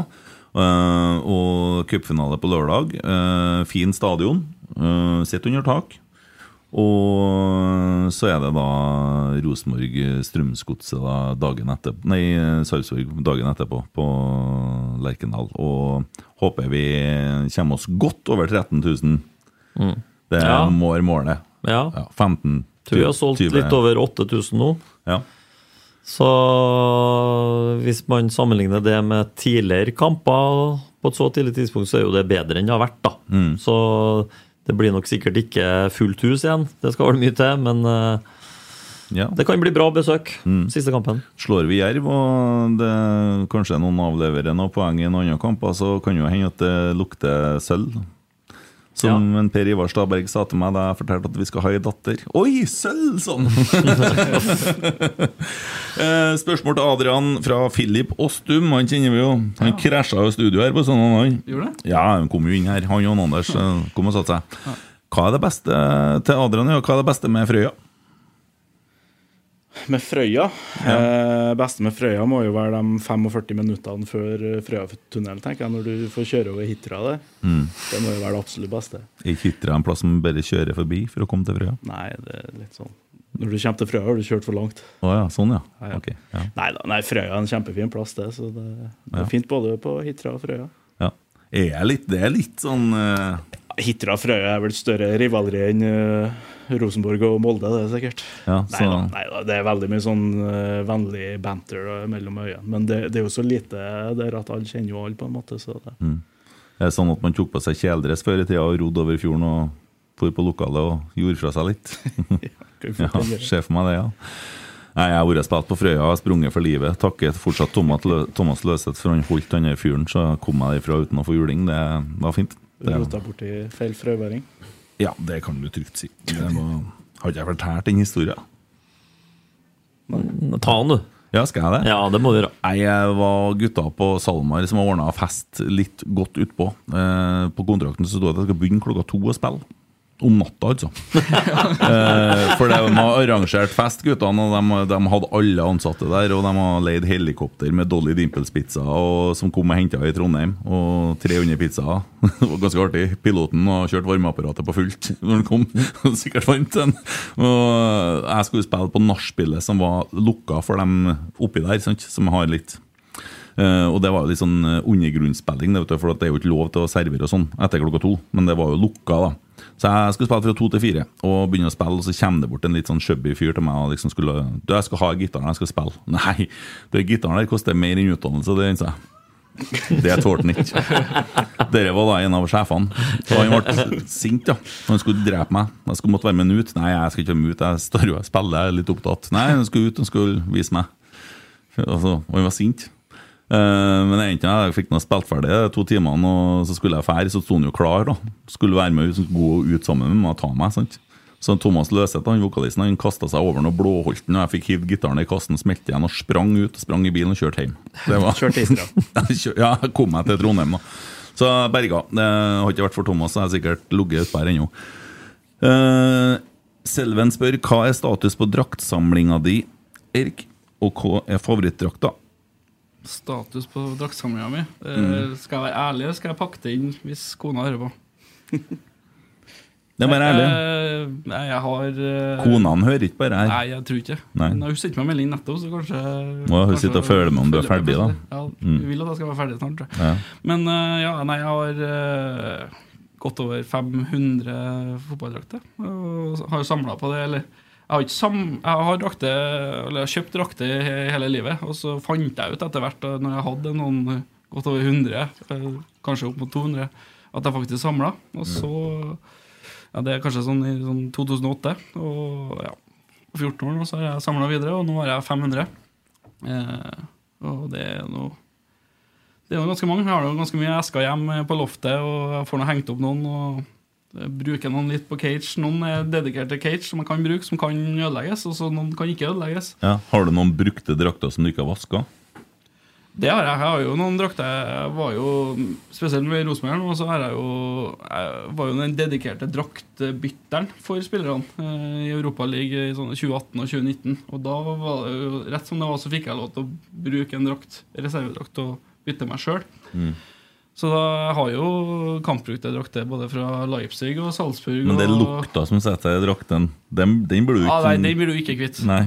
Og så Der er jo kanskje en av favorittdraktene Det er jo Sporting Lisboa med Bruno Fernandes. Mm. eh, som jeg fikk av, eh, fikk av en Bruno. Eh, vi er kompiser, vi. Ja, ja, ja, Der er det jo snørr eller spytt eller et eller annet på hele brystet. Mm. Så øh, hvis noen vil klone DNA til en surpomp fra Portugal, så, så har jeg det Ja. Nei, jeg vet ikke. Det, kan hende noen som vil det òg. Det, Ja, det, ja. det, det kan det neste de begynner med i Bodø, sikkert. Um, ja. Går det bra? Har du fått temma, temma folk? Er ble det litt Nei, nei, nei. nei, nei. Stian uh, som meldte meg nå. Å ja, Stian, ja. Der har, du, der har man skutt blink, føler jeg. Hæ? Stian er bra. Ja, hva, det, det, var, det kom, eh, kom litt brått på. Jeg fikk en telefon fra en felles kompis av Stian og meg om at her har Rosenborg truffet. Ok. Ja, her har de virkelig en som jobber i eh, det samme bransjen som Stian var i. da. Ja. Eh, her har man skutt gullfuglen, for her har dere virkelig fått dere en mann som vet hva han holder på med, og som er god med folk. Og jammen meg han er god med folk! Det er den. Absolutt. Han har truffet på det meste, han. Ja. Flink til å lese kartet. Ja, absolutt. Så det, det Han er på tilbudssida og åpen og folkelig og fin. Så det tror jeg for, Du ser jo at folk liker det veldig godt, og det tror jeg er bare fint for han og for Rosenborg. Ja, det er jo, og det, der er jo et tips til innsiden, for han ble jo en folkehelt med en gang. Og der er jo noe av går an å ta med noe klipp med han òg. Det syns jeg absolutt. Det er jo gjerne folk som blir lengst i klubben òg, det der. For det at spillerne er jo innom et par år, og så er de videre igjen. Men eh, fint å være glad i folk som er i klubben sånn, og der har man jo fått seg en ny yndling, og det, det gjorde ikke noe det.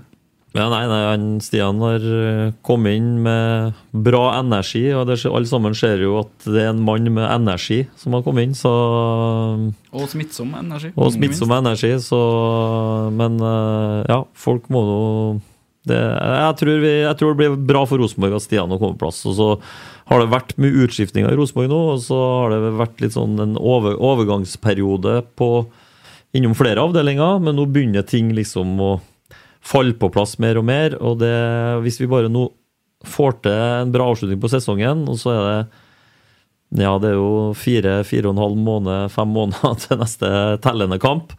Så blir det en veldig viktig periode for Rosenborg, tror jeg, til å gjøre gode grep for fremtida. Mm.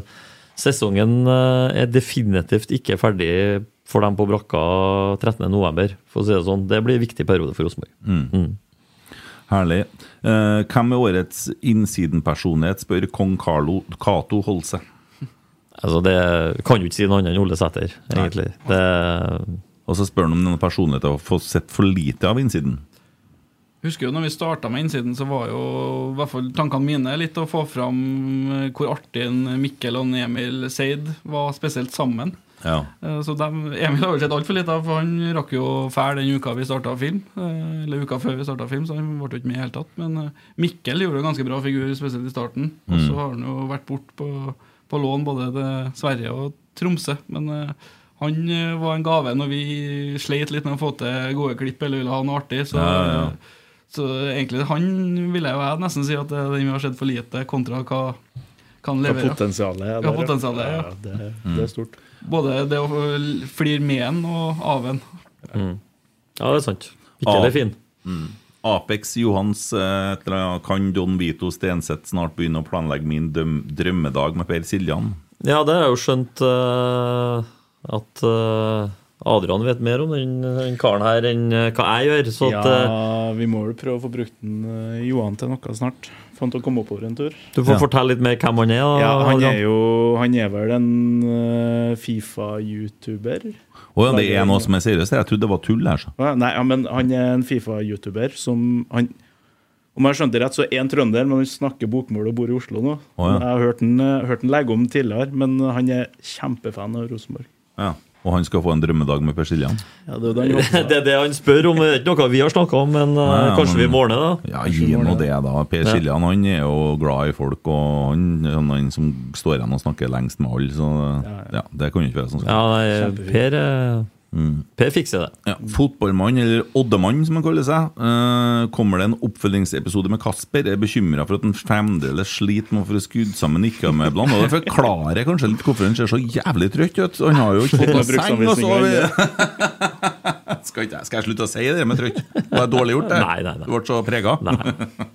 Ja, det er jo en av de mest slitsomme innspillingstimene og minuttene eh, i leiligheten til en Kasper der. Eh, som jeg var så heldig og fikk oppleve en eh, torsdagskveld i, i når var det, august? Juli? Jeg snakka med deg, da. Husker du det? Du ringte meg, du. Ja, jeg var etter det vi snakka om, og så sier du 'Her skulle det vært!' Her er kaos! Ja, her- det var ordentlig kaos. For det første så får de levert eh, får levert alle møblene sine. Eh, Samtidig så det er jo bord, eh, stoler, altså sofa det, Og det er to, to senger. En gjesteseng og en vanlig seng.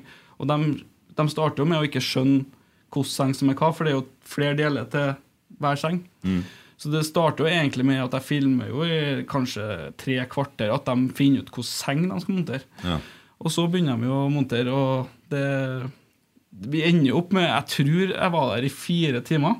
Og jeg hadde ganske vondt i ryggen etter hvert, så det, det er noen som skulle ha filma at jeg filma. For jeg, på slutten her så ligger jeg på bakken og Du filmer. ser ut som meg snart. Ja, men-. Eh, med at de holder på Og du har jo lyst til å hjelpe dem, men så samtidig så vet du jo at det er kjempegod TV å bare la dem holde på. Og uh, det var ikke et eneste lys i den leiligheten. Så Nei. det ble jo bare mørkere og mørkere. Og til slutt så er, eh, Heldigvis på kameraet vårt så er det jo litt sånn nattmodus. Så vi, jeg skrudde jo og skrudde og skrudde. Til slutt så var det jo kunne ikke skru noe mer. Men så det du ser på slutten av eh, den sekvensen, da da er det backburt. Du ser ingenting. Så det er jo kamera som lurer deg. Mm. og da gir de jo opp til slutt. Og da er hun eh, Victor er jo med, og han har med seg kjæresten sin. Og hun har nå montert både sofa og spisestoler, og egentlig hele stua er jo ferdig når Mm. de har eh, nesten montert halve senga.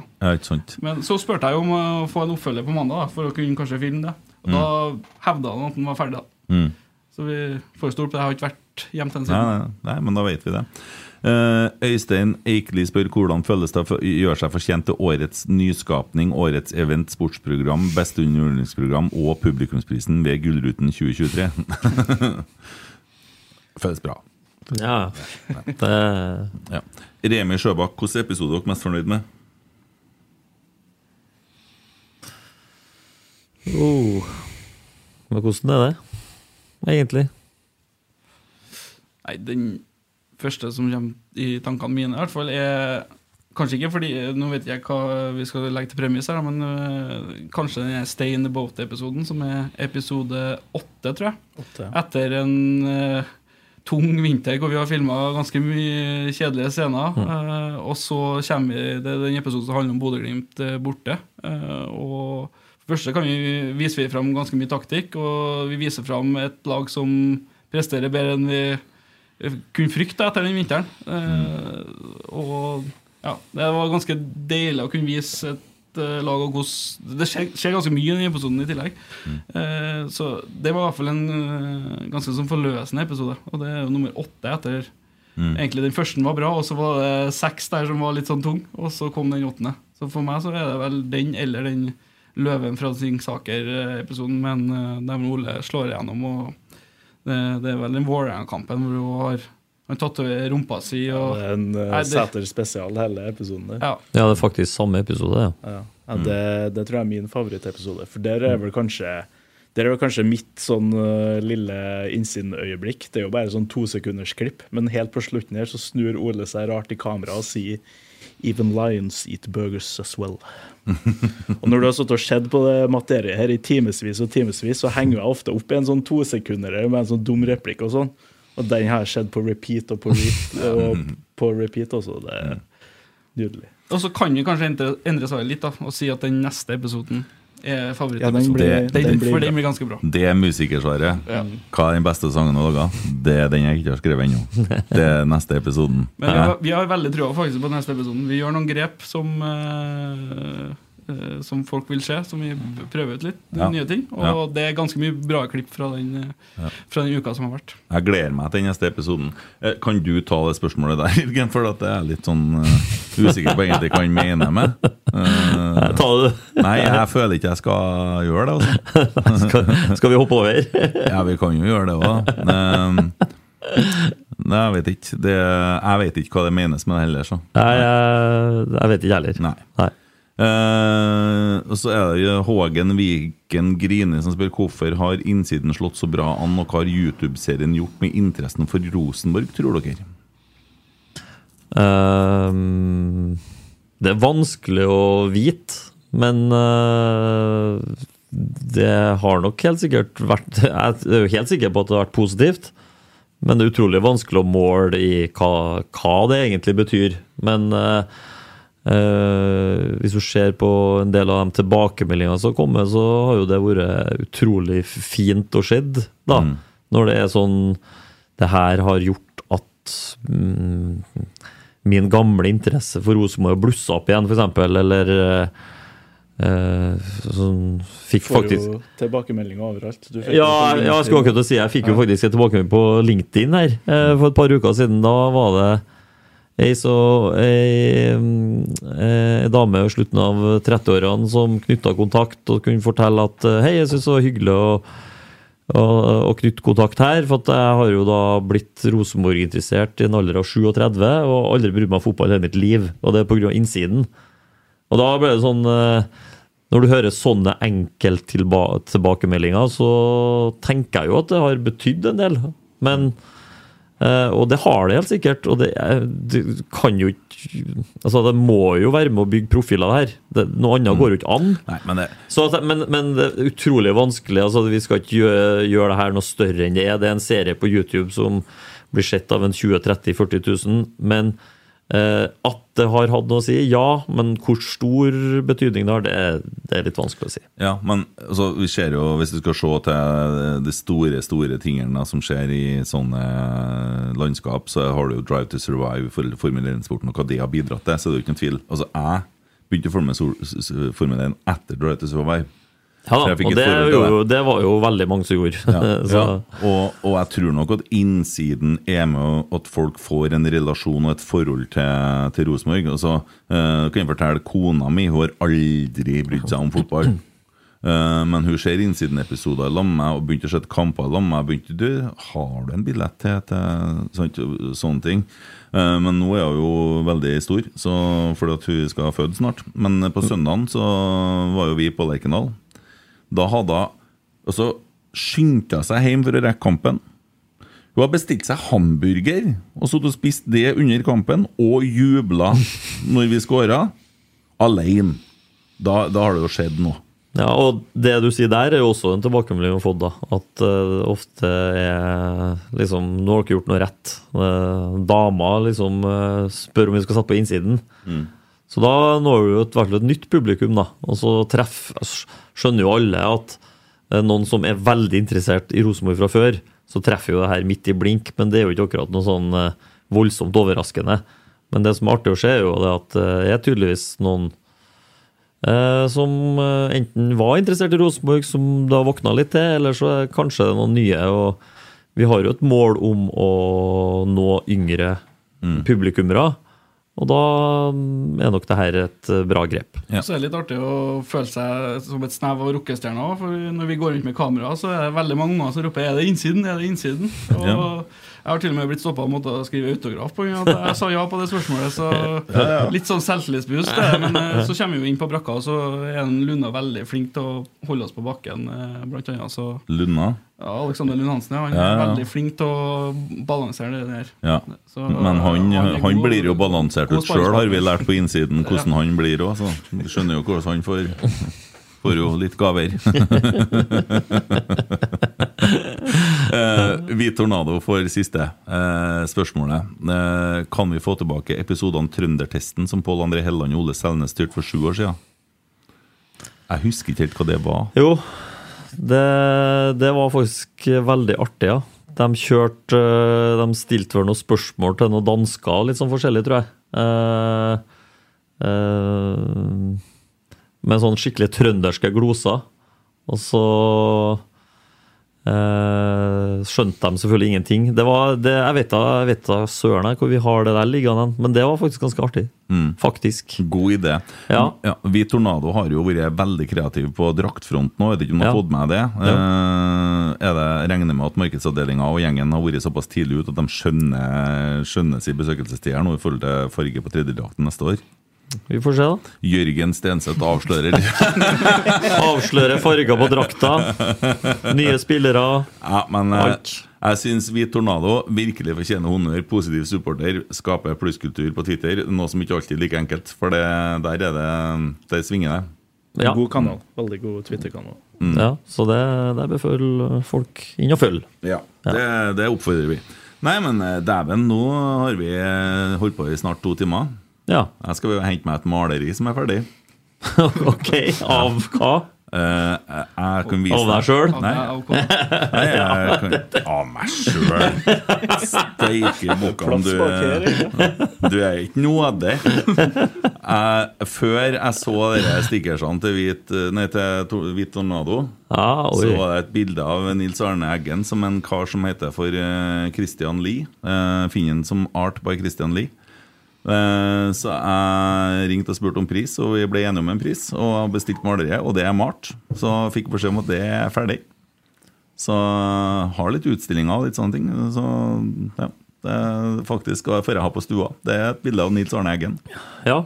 Du, du må legge ut Ja, bilder bilde av deg på diverse kanaler så folk får se. Jeg skal ta bilde av maleriet, tenkte jeg. For det er Ja. litt eh, kult. Så det gleder jeg meg til. Det er Ja. første gangen i mitt liv at jeg har kjøpt et maleri. Det må jeg si. Mye ga du? Det vil ikke jeg si. Nei, ikke? Skulle du kjøpe det? Jeg får ikke lov til å henge opp, det kan jeg fortelle. Nei, eh, Det er vel innsiden som bidrar til at jeg får henge opp et maleri av Nils Arne Eggen på 50 ganger 70 på stua. Men Ja, det er kanskje.